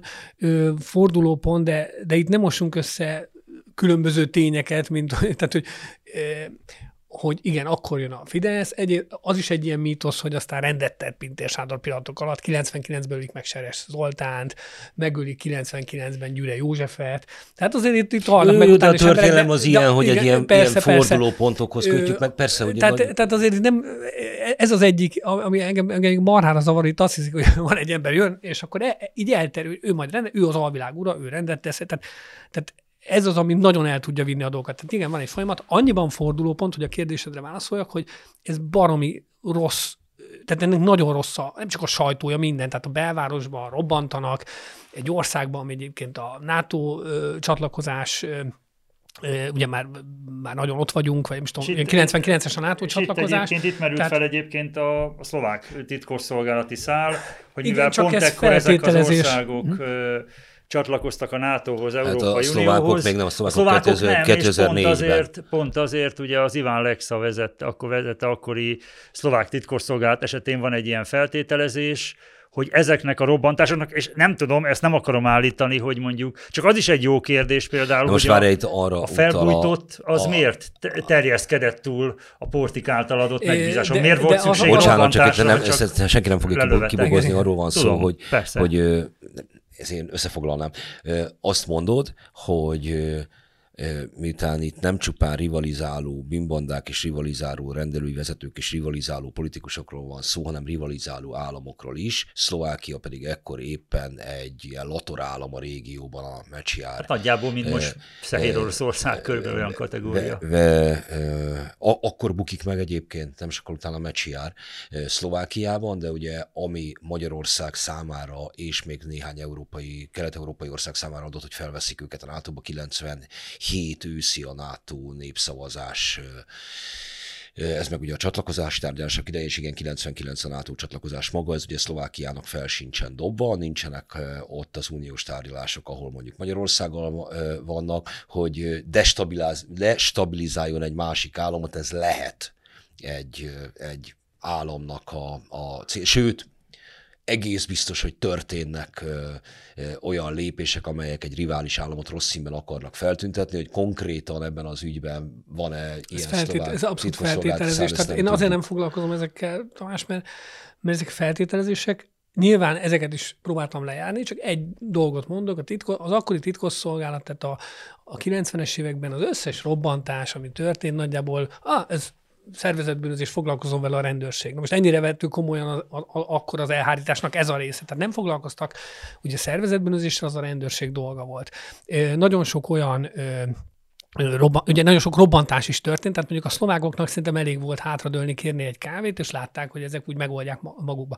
Ugyanakkor az egy tény, vagy, vagy tény, tehát arra vannak adatok, hogy Rohácsnak nagyon jó politikai, rendőrségi, titkosszolgálati kapcsolatai voltak, és az is, hogy ugyanúgy, ahogy egyébként Magyarországon a szervezetbűnözésnek rendőrségi kapcsolatai voltak, kikerültek vallomások, hát Boros Tamás vallomása szinte azonnal kikerült, hogy elmondta. Tőled, hogy ugyanúgy ez, ez Szlovákiában... egyébként, hogyha van egy alvilági leszámolás, és ezzel párhuzamosan zajlik egy, mondjuk ez az Omega Fedő nevű titkosszolgálati művelet, és akkor azt mondják, hogy legyen nagyobb zavar, akkor az illető, az alvilági csoport csak azt akarja, hogy lőjenek le valakit, de akkor robbantsunk is, és akkor az már politikai Minden lehet, emelkedik. minden tehát, lehet. Tehát ez, ez, ez, ez, ugye erről volt is azt hiszem Szlovákiában egy elég komoly belső vizsgálat erről az Omega Igen, igen. Mi, persze minden lehet, csak ez feltételezés. Én Rohásot egyébként kérdeztem arról, azt mondta, hogy nincs is Szlovákiában, nem is volt titkosszolgálati kapcsolata. Ennyit ér sokszor az, hogy ha megkérdezed az érintettet, hogy na, és ön ártatlan, persze ártatlan vagyok. Tehát, hogy, hogy én azt mondom csak, hogy igen, igen, az első könyvemben írok az Omegáról ennek kapcsán pont. Én csak azt mondom, hogy maradjunk annál, hogy meghalt Boros József Tamás, Rohács imádott robbantani egyébként, mániák, tehát nagyon szerette ezeket a dolgokat, e-, ezekről szeretett így magyarázni is, hogy nagyon sokat lamentált, lelője, felrobbantsa az embereket. Tehát, hogy, hogy ez lehetett önszorgalom, és lehetett az is egyébként, hogy egyébként kapott egy megbízást. Lehetett, persze, lehetett, bármi lehetett, meg az is, hogy az oroszoktól kapta meg a kínaiaktól, most nyilván ironizálok, de hogy tehát sok minden lehetett, én csak azt mondom, hogy ezekkel azért kell óvatosan bánni, mert így végigmehetünk nagyon sok mindenen, hogy, hogy vajon lehetette az, tehát lehet egy ilyen könyvet is írni, hogy, hogy lehetette, nem tudom én, Orbán Viktor a, a akárki, maga az ördög. Tehát, hogy igen, valid a dolog, valóban a, a szlovákoknak szerintem érdekükben állt, de ezt azért elég jól megtették a magyar bűnözők, tehát ha végignézzük 94 és 98 között, végig egyre durvább dolgok történtek, és valóban egy ilyen katartikus dolog volt ez. De ugyanakkor, és itt, itt jutok arra, ha elfogadod, hogy a bíróság ezt állapította meg e, e, Portik Tamás esetében, hogy nem akart robbantani, hanem csak Boros József halálát, akkor az azt mondod, hogy tök rendben van minden. Én pont ezt mondom, hogy a bírósági ítéletek feltétlenül a valóságot tükrözik.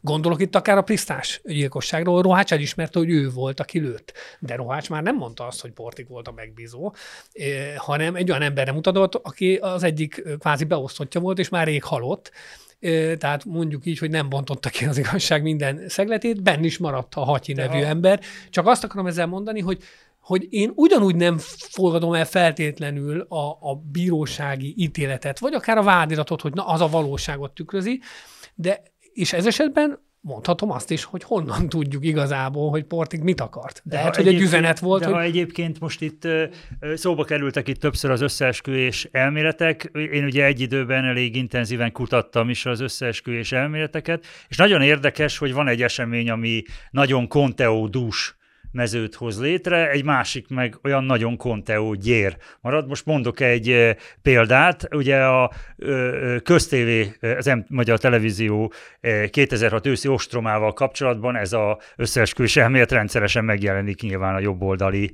vagy a kormánypárti táborban, hogy a Gyurcsány Ferenc szándékosan csinálta az egészet, és ő te, nem, nem hogy hagyta, vagy nem hogy rájátszott, hanem ő tervezte, és ő találta ki, és ő csinálta az egészet. Tehát ez az önmerénylet teóriája, vagy összeesküvés elmélete. Érdekes módon a 98-as Fidesz székház elleni robbantással kapcsolatban. Ez az önmerényletes összeesküvés elmélet, hogy ez egy önmerénylet, és ez a Fidesznek volt jó, tehát a Fidesz volt, ami egyébként ugyanannyira nem igaz, mint a Gyurcsány esetében az összeesküvés elmélet, de valamiért ott fel sem merült ez a történet. Tehát ez is egy nagyon érdekes. Az önmerénylet, de hogy nem.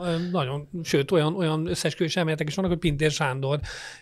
Sőt, Portik Tamás maga utalta arra az egyik tárgyalás, hogy az Aranykéz utcában is Pintér Sándor volt a felbújtó, és egyébként egyébként igen, van egy ilyen összeesküvés, mert hogy a Fidesz magá, Pintér, az, az, az csinált ezt, majd érdekes én azért módon megszűnnek a Én azért kételkedem ebben, mert ugye a kisgazdapárt székházánál is robbantottak, azt csak nem akarta volna nem csak a Fidesz, hogy nem, nem, Tordján Józsefből mártírt csináljon. székházánál, hanem Tordján Józsefnek a házánál. Meg a Szájer József házánál, és Áder János Tegyük ezt rendben, most tényt mondok, van olyan vallomás, nyilván beszéltem is az illetővel, aki a kisgazdákhoz vitte a bombát.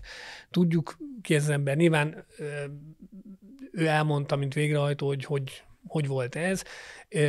És csak azt mondom, hogy, vagy arra akarok kiukadni, hogy ez is a portikféle kör, és körhöz köthető, és és nyilván bele lehet itt menni abba, hogy mi volt ennek az oka, meg, meg minden. Hát csak igen, ez, ez, Csak- ez adja a legnagyobb kérdőjelet, tehát hogyha a Portik Tamásnak 96-ban az volt az érdeke, hogy a kézigránátos merényletsorozata megbuktassa Pintér Sándort, akkor miért akart volna 98-ban Pintér Sándorból újra belügyminisztert Elmondom, csinálni? Tehát nyilván, válasz. nyilván tudhatta, hogy ha az MSZP-SZDSZ kormány gyengítik a robbantásokkal, akkor Nem, nem, a nem, nem, ezt nem Fidesz tudta. fog visszajönni, és a Fidesz Azt tudta, hogy a. Fidesz vagy a FKG, tehát azt tudhatta, de azt nem. Tehát egyrészt a kézigránátos robbantások 96-ban történtek, a céljuk a zavarkeltésen túl nyilván az volt, hogy a rendőrséget jobb, minél jobban leterheljék. Tehát volt egy kézigránátos robbantás, oda ment a rendőrség, helyszínelt, erőforrásokat foglalt le, plusz nyilván benne volt a sajtóban, hogy megint robbantott, vagy dobtak kézigránátot erre a bárra, arra az étterembe, arra a pizze, pizzézi, Hozzáteszem, hogy még a Szomszédok című nagyon népszerű Még abban is benne ab- annak az egyik részében is szerepelt egy Ennek- ilyen kézigránátos Ennek merénylet. lett egy olyan következménye, hogy a közhangulat már nagyon rossz volt, tehát már nagyon, el, akkor még nem beszélünk egyébként, még nem kezdődtek el az igazi gyilkosságok, de már, már mindenki ezt mondja, hogy össze-vissza robbantgatnak, vagy, vagy dobálják a gránátokat. Hát rengeteg publicisztika is készült erről, vagy íródott. És Horn Gyula utasítja Kuncét, vagy az a lényeg, hogy megbukik az egész rendőri vezetés, tehát nem csak Pintér Sándor, úgy mindenki. Nyilván tapsikol a szervezetbűnözés, nem csak Portik, hát mindenki, hát megbukott a rendőri vezetés, jön egy új, újra elő kell venni ügyeket, ismeritek, hogy hogy van ez, hogy, hogy míg beáll az új, új rendszer. És ö, Pintér Sándor kikerül a képből, meg egyébként nem csak Pintér Sándor, megint őt helyezik a fókuszba, Pintér úgymond köre is, és szépen a magánbiztonsági piacon el, el, elterül úgymond, és elkezd ott ö, művelődni. Ez egy külön fejezet. És amikor már szorul a hurok az energolos portikféle kör körül, az a központi bűnüldözési igazgatóság felállítása miatt is van, Boros Tamásra, ha térek vissza, aki a KB-nek egy fontos informátora, és felvetődik az, hogy hát egy kormányváltás esetén esetleg a KB is majd megy a levesbe, megszűnik, ahogy általában mindig így működött, hogy felállítunk egy szervezetet, jön egy kormánywáltás, és hát megszüntetjük azt a szervezetet, átnevezzük, stb. Portikék a, a Fidesz, KDNP, vagy most igen, Fidesz, független FKDNP. kisgazdapárt, igen, győzelmét, úgy általában jobb győzelmét nyilván azért akarhatták, és erre van logikus magyarázat, mert, mert akkor ö, megint lesz egy, egy váltás, ö, röpülnek olyan emberek, akik rálátnak az ügyekre, ö, gyengít, gyengíti ezáltal a, a, az államhatalmat. Lehet egy olyan magyarázat, vannak ilyen magyarázatok is, hogy ö, esetleg már a politika felé akartak terjeszkedni, és nem kért a politika belőlük, tehát mondjuk az a szocialista kör, most így mondom, üzleti kör, ö, és úgy voltak, tehát velük nem tudtak valami alkut kötni, de ez, mondom, ez feltételezés, tehát nem is itt akarok. ráadásul még tegyük azt rendes hozzá, hogy a, a, az egészen az első fordulóig a, És nem lehetett nem, nem tudni. adtak, nem adtak sok esélyt a kormányváltásnak 98-ban Magyarországra. Ez nem volt egy reális forgatókönyv, tehát pláne... De ami, ami még ennél, egyébként- bocsánat, ami még ennél is fontosabb, hogy Pintér Sándor visszajövetelét nem tudhatták portikék.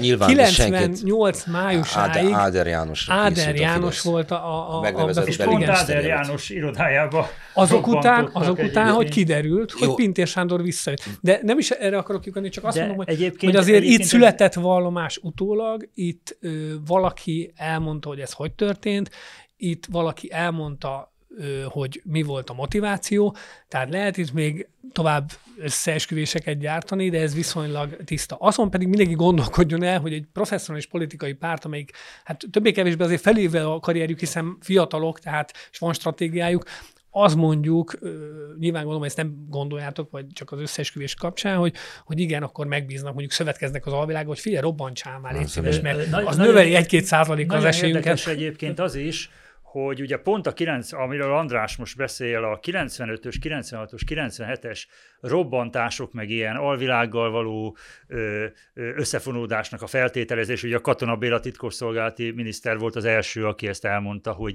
lehetséges, hogy az alvilág és a politika Nem, az között- alvilág ki- képítette már a politika felé a híd főállásait. híd főállásai, és az nagyon érdekes, hogy akkor két olyan szereplő is van, aki ennek a hullámverésnek, vagy hogy robbantgatnak, és akkor váltsuk le, vagy valami oknál fogva leváltások történnek mind a rendőrségben, mind a titkosszolgálatban, szakmai szereplőből későbbi karrierjét tekintve, ugye politikussá, vagy kvázi politikai szereplővé válik. Az egyik, akiről itt sokat beszéltünk, az ugye Pintér Sándor. A másik is egy érdekes történet, a Földi László, aki ugye a Nyírfa fedő nevű nyomozás kapcsán, akkor ő a, azt az információs hivatal, tehát a hírszerzésnek a műveleti igazgatója, és akkor őt ennek a Nyírfa ügynek a kapcsán leváltják, vagy megválni kényszerül a pozíciójától, és utána ugye hát Defend Kft. és hadd ne soroljam, tehát hogy a, Ez kvázi erről semmit nem fog tudni a... Biztonsági a... piacra került ő is, mint Igen. a Pintér, és lett belőle egyébként mostanra egy ilyen biztonságpolitikai, vagy kvázi politikai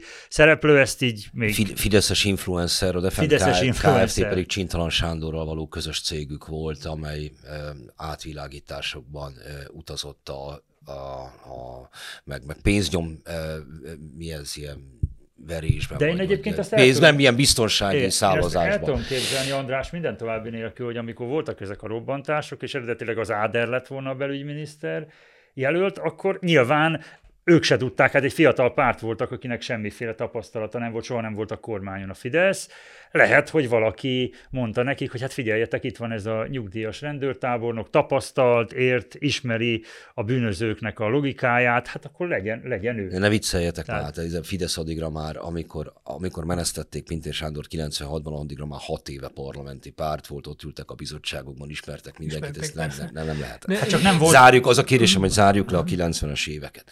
Egyetlen egy kérdésem van, egy nagyon rövid kérdés, a, a, ami még ezt az időszakot érinti, annak is a későbbi szakaszát portik jellemére való rávilágítás, hogy miközben csibészségről, szélhámosságról beszélünk, bajtársiasságról, sorban tűnnek el munkatársai és közeli ismerősei. Ez, ez mire enged következtetni Portik jelleművel kapcsolatban, vagy akár a rendszerrel kapcsolatban? Ha már szlovákok szóba kerültek, eh, ott is így utólag visszanéz az ember, csak áll, és azt nézi, hogy ezek emberek miben reménykedtek, hogy hozzájuk egyszer nem jut el. Tehát ugye ez a kard által vészi kardot ragad, eh, gyakorlatilag nem maradt olyan ember, akit nem robbantottak fel, robbantottak fel, vagy lőttek le, vagy találtak ki, hogy saját maga ássa meg a sírját.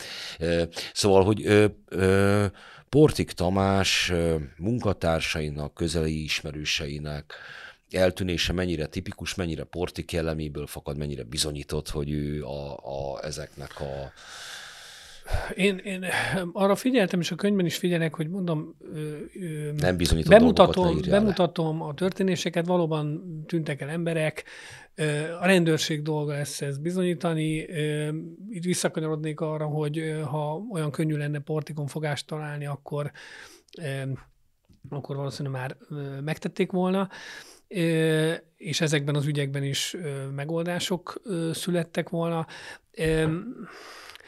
azt, azt azért lehet látni a politik életútján, úgyhogy inkább ez, ami, ami kimutatható, hogy, hogy felkarolták emberek, két, két ilyen fontos ember volt, aki felkarolta, egy volt boxoló még a 80-as évek második felében, aki aztán úgy végezte, hogy ö, rálőttek, ö, nem halt meg, de ki kellett vonulni az éjszakából.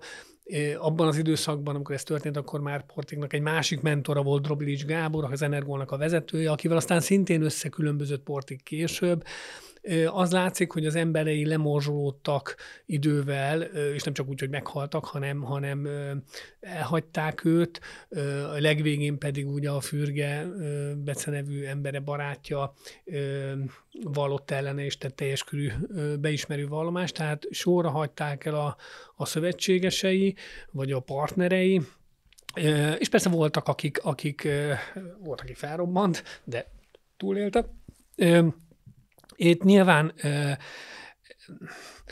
az egy nagy kérdés, és ez szerintem ez egy ilyen értelemben egy helyén való kérdés, hogy vajon, ugye amikor arról beszélünk, hogy na és minden portig követett el, nyilván azt vizsgálni, hogy vajon az Energóban a társai, ők mennyit tudtak, mennyire voltak benne döntéshozói helyzetben az első, a 90-es években elkövetett gyilkosságok megrendelésénél, tehát magyarul mondjuk hárman döntöttek arról, hogy akkor XY-t likvidálják, vagy semmit. Ugye megint csak azt tudom mondani, hogy vannak bírósági ítéletek erről, vagy, vagy tehát nem akarok itt sem megint olyanokról beszélni, ami, vagy olyannal vádolni bárkit is amit nem tudok bizonyítani. Szerintem ez a rendőrség előtt sem teljesen tiszta.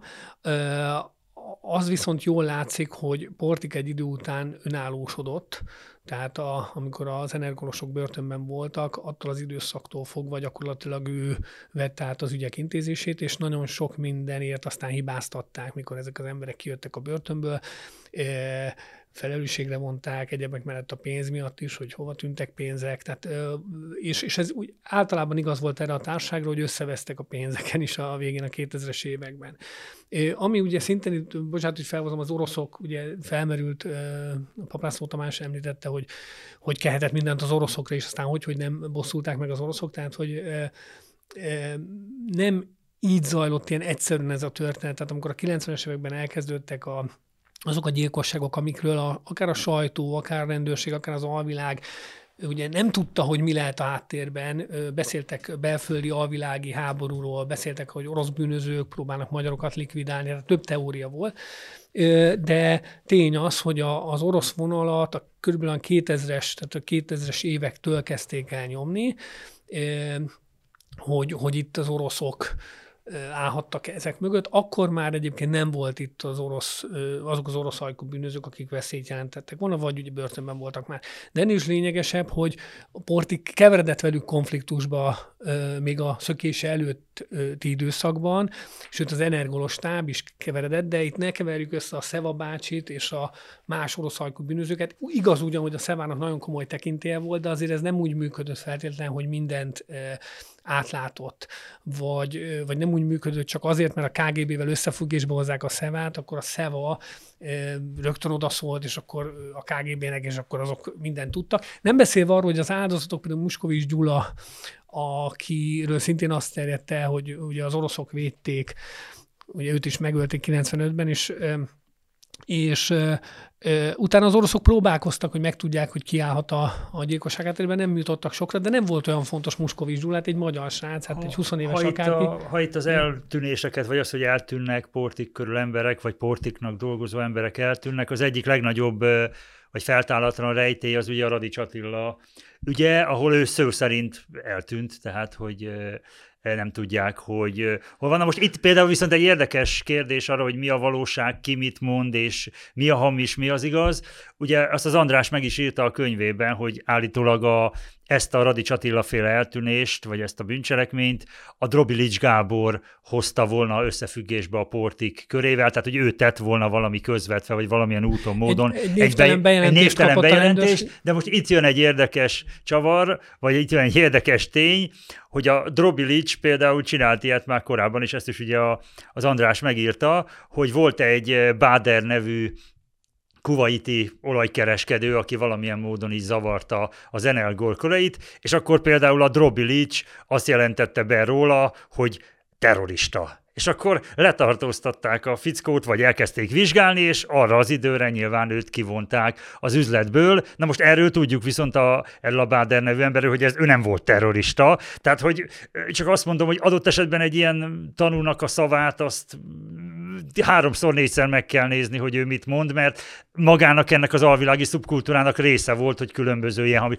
amit a maga az András mond, hogy az oroszokra fogjuk, valakire fogjuk, valakiről azt mondjuk, hogy terrorista, vagy megharagudtunk valakire, és akkor már azt mondjuk, hogy ő volt. Jó, ettől Tehát függetlenül ez... még tüntek el emberek. Tűntek el emberek, és... környezetéből is valószínűleg ennek a, egy része nem volt az ellenére, hogy eltűnjenek ott és I- akkor. Igen, inkább bocsánat, még az, az érdekes, hogy valaki eltűnik, ugye hosszú évekre bujkál, konspirál, nagyon komolyan konspirál, egy olyan ügyben gazdasági bűncselekménnyel gyanúsítják, vagy amiatt keresik, ami 2003 tavaszán el is évül, szóval azért érdekes elgondolkozni azon, hogy vajon miért volt olyan fontos ennyire eltűnni Portik de Tamásnak. Nekem meg, akkor, nekem meg pont ez a fura egyébként, hogy ebben tök igazad van, hát ezt én is olvastam ezeket a sztorikat, hogy váltogatta a lakásait, váltogatta mindenféle, nem is aludt sokáig. Egy, olyan, ügy, egy nem, olyan ügyben, ami, ami 2003-ban a szálazán elévült. még ágyak Mert nem, mert nem biztos, és hogy utána végig hogy, ez a paranoiája megmaradt, alatt egy olyan embernek, aki hát igen, az állítása szerint ö, semmit nem csinált. Jó, most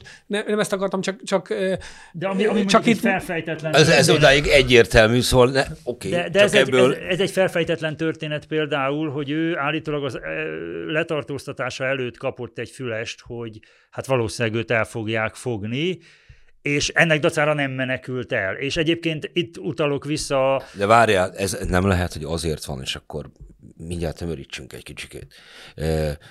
Szerintem az András szavaiból ez kivehető, hogy nem feltétlenül a rendőrség elől bujkál ő.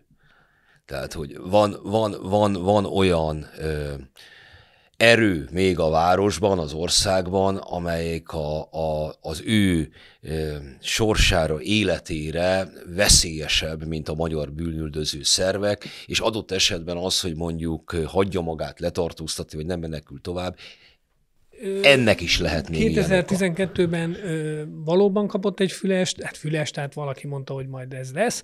Hozzáteszem, azért nem ment tudomásom szerint el, vagy azért nem félt ettől, mert úgy gondolta, hogy úgysem úgy sincs a rendőrség kezében semmi, csak a Radnainak a vallomás, amit még 2004-ben tett, ez a titkos, titkosított vallomás, tehát nem számított arra, hogy mások beszéltek, nem számított egyéb bizonyítékra. Úgy gondolta, hogy ha be is viszik, akkor néhány hónap múlva kijön onnan. Volt is erről beszélgetés. a 2015-ös átlátszó interjú, Nagyjából ugyanezt mondta. újraolvasva, ott is látszik, hogy a portik azért még ott is egy eléggé magabiztosan Azért, mert beszél. Sok ilyet láttunk, mert bocsánat, 2000, hogy igen, igen. valakit, és magabiztos. Csak azt mondom, hogy tömörítsünk egy kicsikét, igen, akkor ez azért, mert, mint ahogy ezt többször szóba hoztuk már, vagy előkerült, a 2000-es évekre megváltoznak a viszonyok, sőt a 90-es évek végére ahogy te is említetted, ez az időszak az, amikor Portik elkezdi felvenni az összes létező beszélgetést, ügyel arra, hogy legyen egy csomó olyan ütőkártyája, ami mondjuk egy állammal való viaskodásban számára kedvező.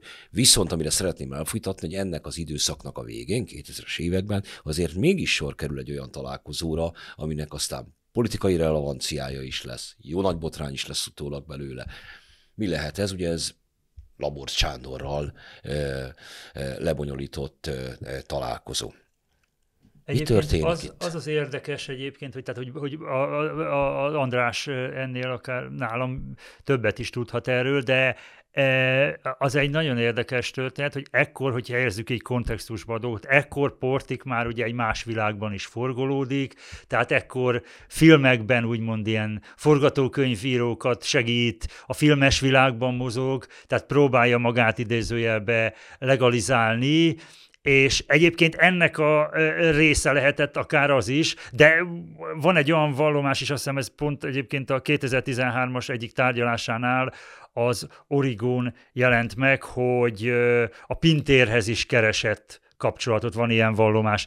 Tehát lehet, abban az időben lehet, hogy ő próbálja felvenni a kapcsolatot. Azt egyébként tudjuk, hogy őt ekkor már ezekben az években azért rendőrök nem gyanúsítottként, nem vádlottként, de meghallgatják. Tehát a különböző megoldatlan ügyekkel foglalkozó rendőrök, őt, őt azért már beszélgetnek vele, tehát esetleg érzi, a portik, hogy alappal, alap nélkül, joggal, jogtalanul, de valamilyen módon ő képbe került, látókörbe van, és nyilván ilyenkor az ember próbálja a kapcsolati tőkéjét, vagy valamilyen szinten mozgósítani. Labor hogy... Sándor nem volt a kapcsolati tőké. Nem, csak úgy, hogy próbál kapcsolati tőkét Portik... szerezni, vagy építeni. Portik Tamás a bujkálása után nem nagyon tudott integrálódni abba a körbe, újra integrálódni, amelyikből jött. Tehát Drobilis Gáborral ugye megromlott a kapcsolata, de a többi a kontikáros vonallal is, és nagyon sokan pontosan ismerve a, a múltat tartottak tőle, és ö,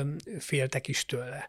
Ö, emellett ö, számítania kellett arra, hogy a Drobilicsék, akikkel ugye konfliktusa volt, ők veszélyt jelenthetnek rá, és nyilván építgetni próbálta a különféle kapcsolatait. Labort Sándorral, bár ő azt állítja, hogy ez egy pintérféle csapda, de teljesen fura magyarázat, amit ő mond, de az biztos, hogy próbálkozott mindenfelé ugye kapcsolatokat építeni, és igen, a titkosszolgálattal is emiatt, ugye a beszélgetésekből kiderül ilyen puhatolózó, puhatolózó beszélgetés, a titkosszolgálatra meg bocsánat jellemző volt, hogy, hogy jellemző, hogy hát ennyire, ugye amikor mondom, hogy keveset foglalkoznak szervezetbűnözéssel, hogy, hogy ilyen óvatlanul leültek vele, úgyhogy Portik rögzítette is azt a beszélgetést, nem csak ugye a titkosszolgálat. És a, a titkosszolgálat pedig nyilván arra volt kíváncsi, hogy vajon Portik elvezete a rendőrségi korrupcióhoz, mert azt tudták, hogy, hogy erről is beszélt, de egyébként pont nem azokról a rendőrökről beszél, akik, akikről később kiderül, hogy hát bizony együttműködtek az alvilággal, hanem vagy dolgoztak az alvilágnak, ez hanem... a Vizovicki. Ez a Vizovicki ügyről beszélek. Tehát, hogy, hogy nyilván itt is manipulálni akar a portik, én szerintem ezzel a találkozóval védelmet akar, aztán ennek szerintem nem lesz kifutása, és itt van megint az, hogy a jobb oldal persze fel tudja használni, na, lám, lám, porték, baloldali. Tehát ugyanúgy e, tudnék ezer olyan sztorit mondani, amikor a jobb oldal e, felé lehet ugyanezt elsütni. Teljesen természetes sportiknak ez a mozgása. Tehát egy szervezetbűnöző, aki e, e, igenis tart attól úgy legbelül, hogy, hogy még a múlt bűnei azok előjöhetnek, hiszen megváltoztak a viszonyok, hiszen ki tudja, hogy egykori társak mikor fordulnak majd ellene, mondjuk úgy, hogy a rendőrséggel együttműködnek. Tehát van benne egy ilyen tartás, megmarad ez a konspiratív jelleg, és, és jelleg az életének, ugyanakkor megpróbál kifehéredni, úgymond, és igen, fél attól, hogy visszajön egy olyan ö, rezsim, ahol esetleg szintén lesz egy olyan váltás, akár rendvédelmi szerveken belül, ami számára kedvezőtlenül ö, fog elsülni. Hát akkor ő is azt Ez érezte, is... hogy ha Pintér Sándor visszajön, igen, akkor de, de pörög de, fel ez a történet, vagy ő legalábbis úgy érezte, az, nem? Érezhette, de azt tudni kell, hogy nem, nem csak Pintér Sándor pörgette ezt fel, hanem már 2010 előtt is azért folyamatosan ugye hallgatták és kiportikot. 2008-ban elkapták Rohácsot. Tehát azért folyamatosan benne volt az, hogy itt, itt, itt valami és történhet. Ha hát, ha ö, hát azért itt, ö, tehát itt megint úgy, úgy, úgy beszélünk erről, és bocsánat, hogy megint tényleg így, a, tehát itt nem arról van szó, hogy most konkrétan Pintértől félt, itt nyilván attól is félt, hogy, hogy megváltozott ez a struktúra, amiben mozgott, ez veszélyt jelent neki. Itt, itt ne felejtsük el, itt azért finanszírozni kellett olyan embereket is sokáig, akik tudtak dolgokról. Hát itt azért Rohácshoz is jártak ki, meg, meg amikor 2008-ban elfogták, akkor ügyvédet küldtek érte. Tehát nekik nem ért véget a 90-es évek 2008-ban. Már... Tehát csak azt, bocsánat, csak azt akarom mondani, hogy ez azért viszonylag jól kivehető. És itt megint az állam érdekes, hogy persze az állam megpróbálkozik, az állam alatt a titkosszolgálatot értem, és igen, végig tudnék menni rengeteg szakmai hibán, amit akár ezen a találkozón elkövettek, de akár elkövettek a rendőrök a 90-es években, vagy a titkosszolgák.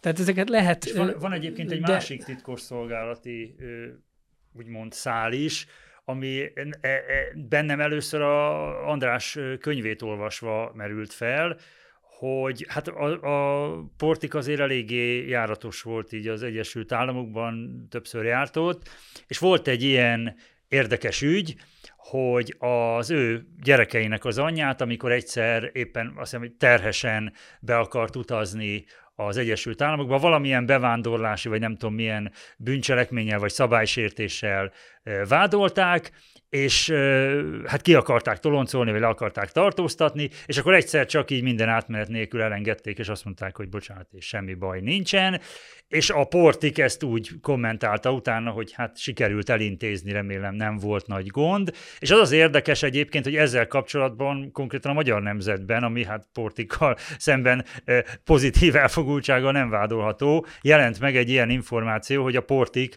az FBI-nak is dolgozhatott, vagy az FBI-nak lehetett valamilyen szintű informátora, és én ezt nem igazán akartam elhinni, vagy nem is gondoltam erre, hogy ez... ez Várjunk, ez egy mondat, tényleg ezt, ezt csak egy mondattal zárjuk el, szóval, vagy, vagy egy szóval leginkább. Ez azért, hogyha tényleg így van, ez azért annyira nem meglepő. Egyáltalán nem lehet, hogy kiábrándítok embereket, de a szervezett bűnözésben a, például az amerikai, amerikás magyarok, tehát akik hazatértek a 90-es években, nagyjából mindegyik az FBI-nak volt mondjuk a, a spiclie, hát például az együttműködött, például igen. Illető de tudnék mást magyart is. Tehát ebben egyáltalán semmi meglepő nincsen. Abban sem egyébként, hogy magyar bűnözőknek vannak rendőri kapcsolatai olyan értelemben, hogy mondjuk informátorként vannak. Sőt, a magyar alvilágra igazán az jellemző már a 2000-es évektől, de már a 90-es években is, hogy ugye sokszor hát Hát amikor folytattam, ezt, egy, ilyen, folytattam ezt... egy ilyen háttérbeszélgetést egy emberrel, akinek pont erről az FBI szára akartam rákérdezni, ő mondta is, hogy hát az FBI az sok, sokat adott volna azért, ha a Szemjon Mogiljevicsről, aki az elsődleges célpontja volt, valamilyen információval. Hát de nem csak az a Szemjon Mogiljevicsről, meg nem csak az FBI-ról van itt szó, nyilvánvalóan, hogyha megérkezik egy olyan bűnöző, akinek még politikai kapcsolatai is Eszem. vannak, hát az egy, ez egy ajándék egy, egy, egy ország elhárításának, hogy mindent megtudjon arról, amit... Én ebben amit... semmi rendkívül nem látok. Tehát, tehát ez, ez egy bevett gyakorlat, mondom, tudnék még más ö, magyarokat is említeni, akikről egyébként úgy többé-kevésbé ki is derült ilyen tárgyalások során, hogy, hogy valamilyen módon segítették az FBI munkáját, ugyanúgy egyébként ö, ö, lehetne beszélni. Szóval, ez, ez, egy, ez egy megint egy, egy külön tészta, és megint az is egy külön tészta, hogy valójában ezek a kapcsolatok mennyit értek. Azért ne felejtsük, hogy Portikról sokan azt mondták a 2000-es években, hogy MBH-s kapcsolatai vannak.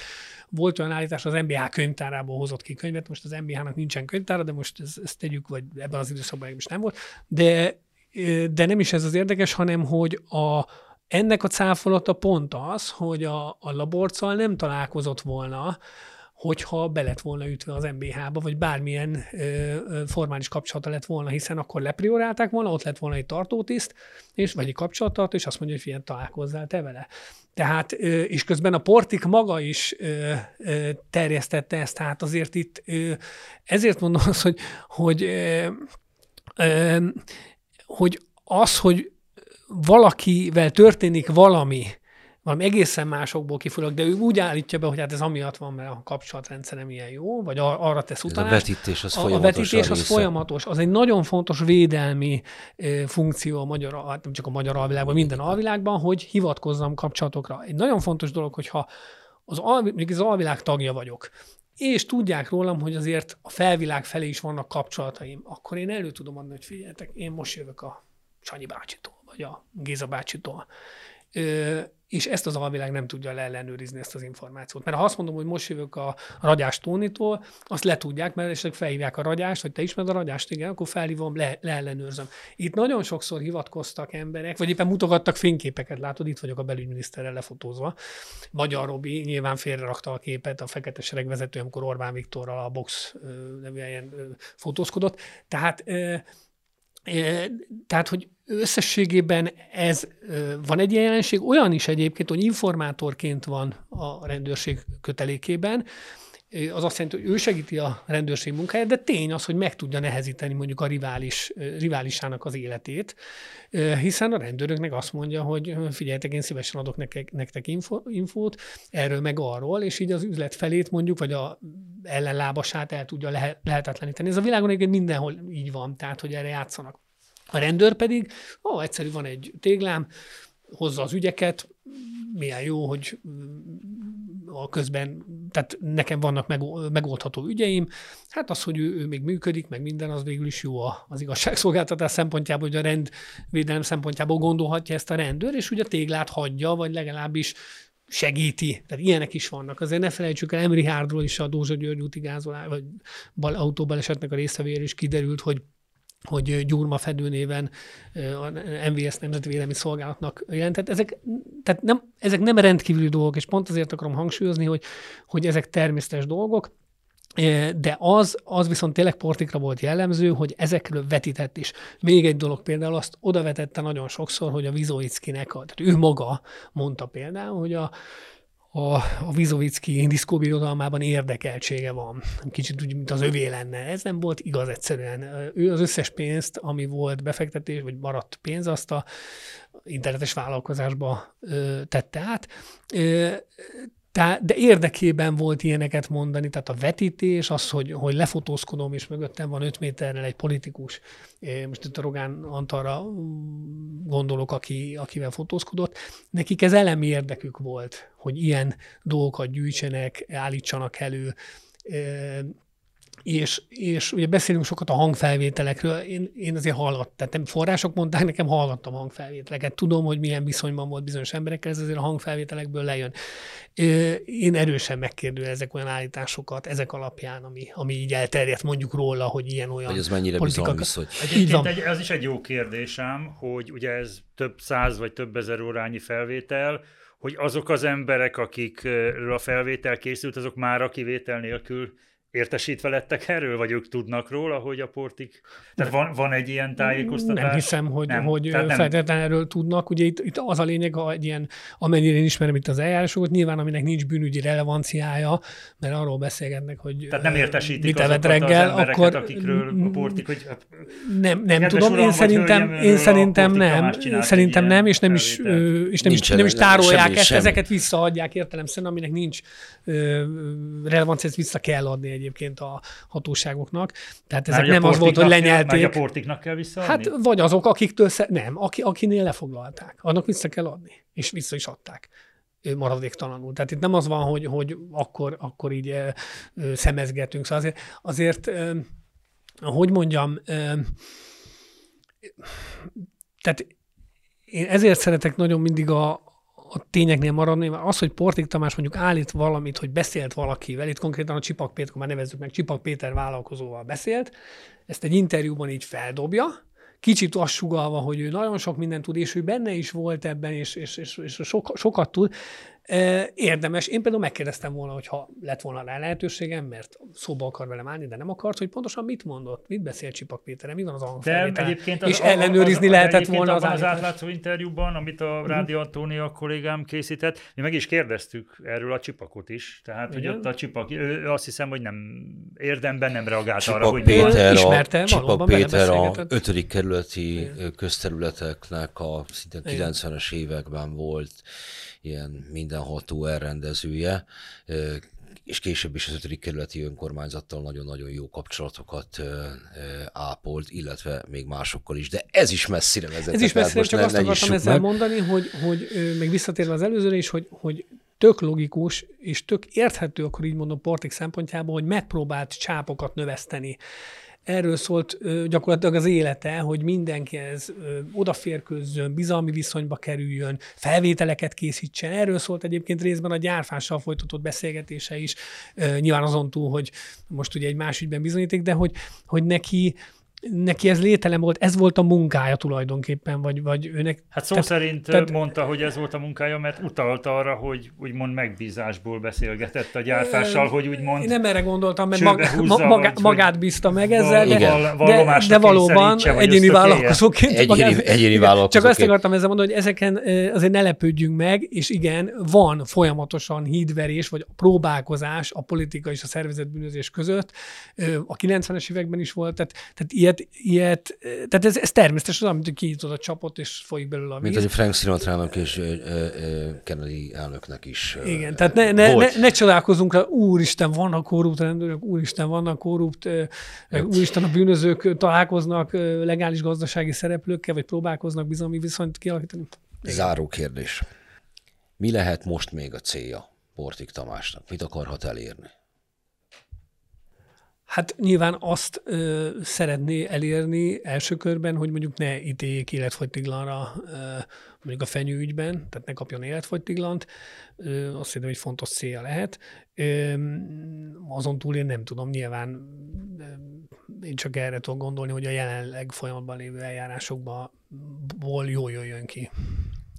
Hát én, aki közülünk itt talán utoljára beszélt, illetve beszélt Portik Tamással, én mm, rajta azt láttam, hogy továbbra is, hogy mondjam, megvan benne az a fajta lendület. Tehát volt, volt olyan beszélgetésem, hogy volt, aki nem értette, hogy miért nem tesz már beismerő vallomást, vagy miben bízik, de én, én is azt láttam rajta most a, a, az interjú, amikor elkészítettem, hogy tovább, ő továbbra is az ártatlanságát bizonyítja. Ezért volt egyébként vicces az indok, amire hivatkozva az interjú közlését megtiltották, hogy a bűnöző életmód népszerűsítése. Na most egy olyan emberrel folytatott beszélgetés, aki az ártatlanságát bizonyít, bizonygatja, és azt mondja, hogy én nem követtem el ezeket a dolgokat, az hogyan lehet a bűnöző életmód népszerűsítése, azt én nem tudom. Az meg egy másik kérdés, hogy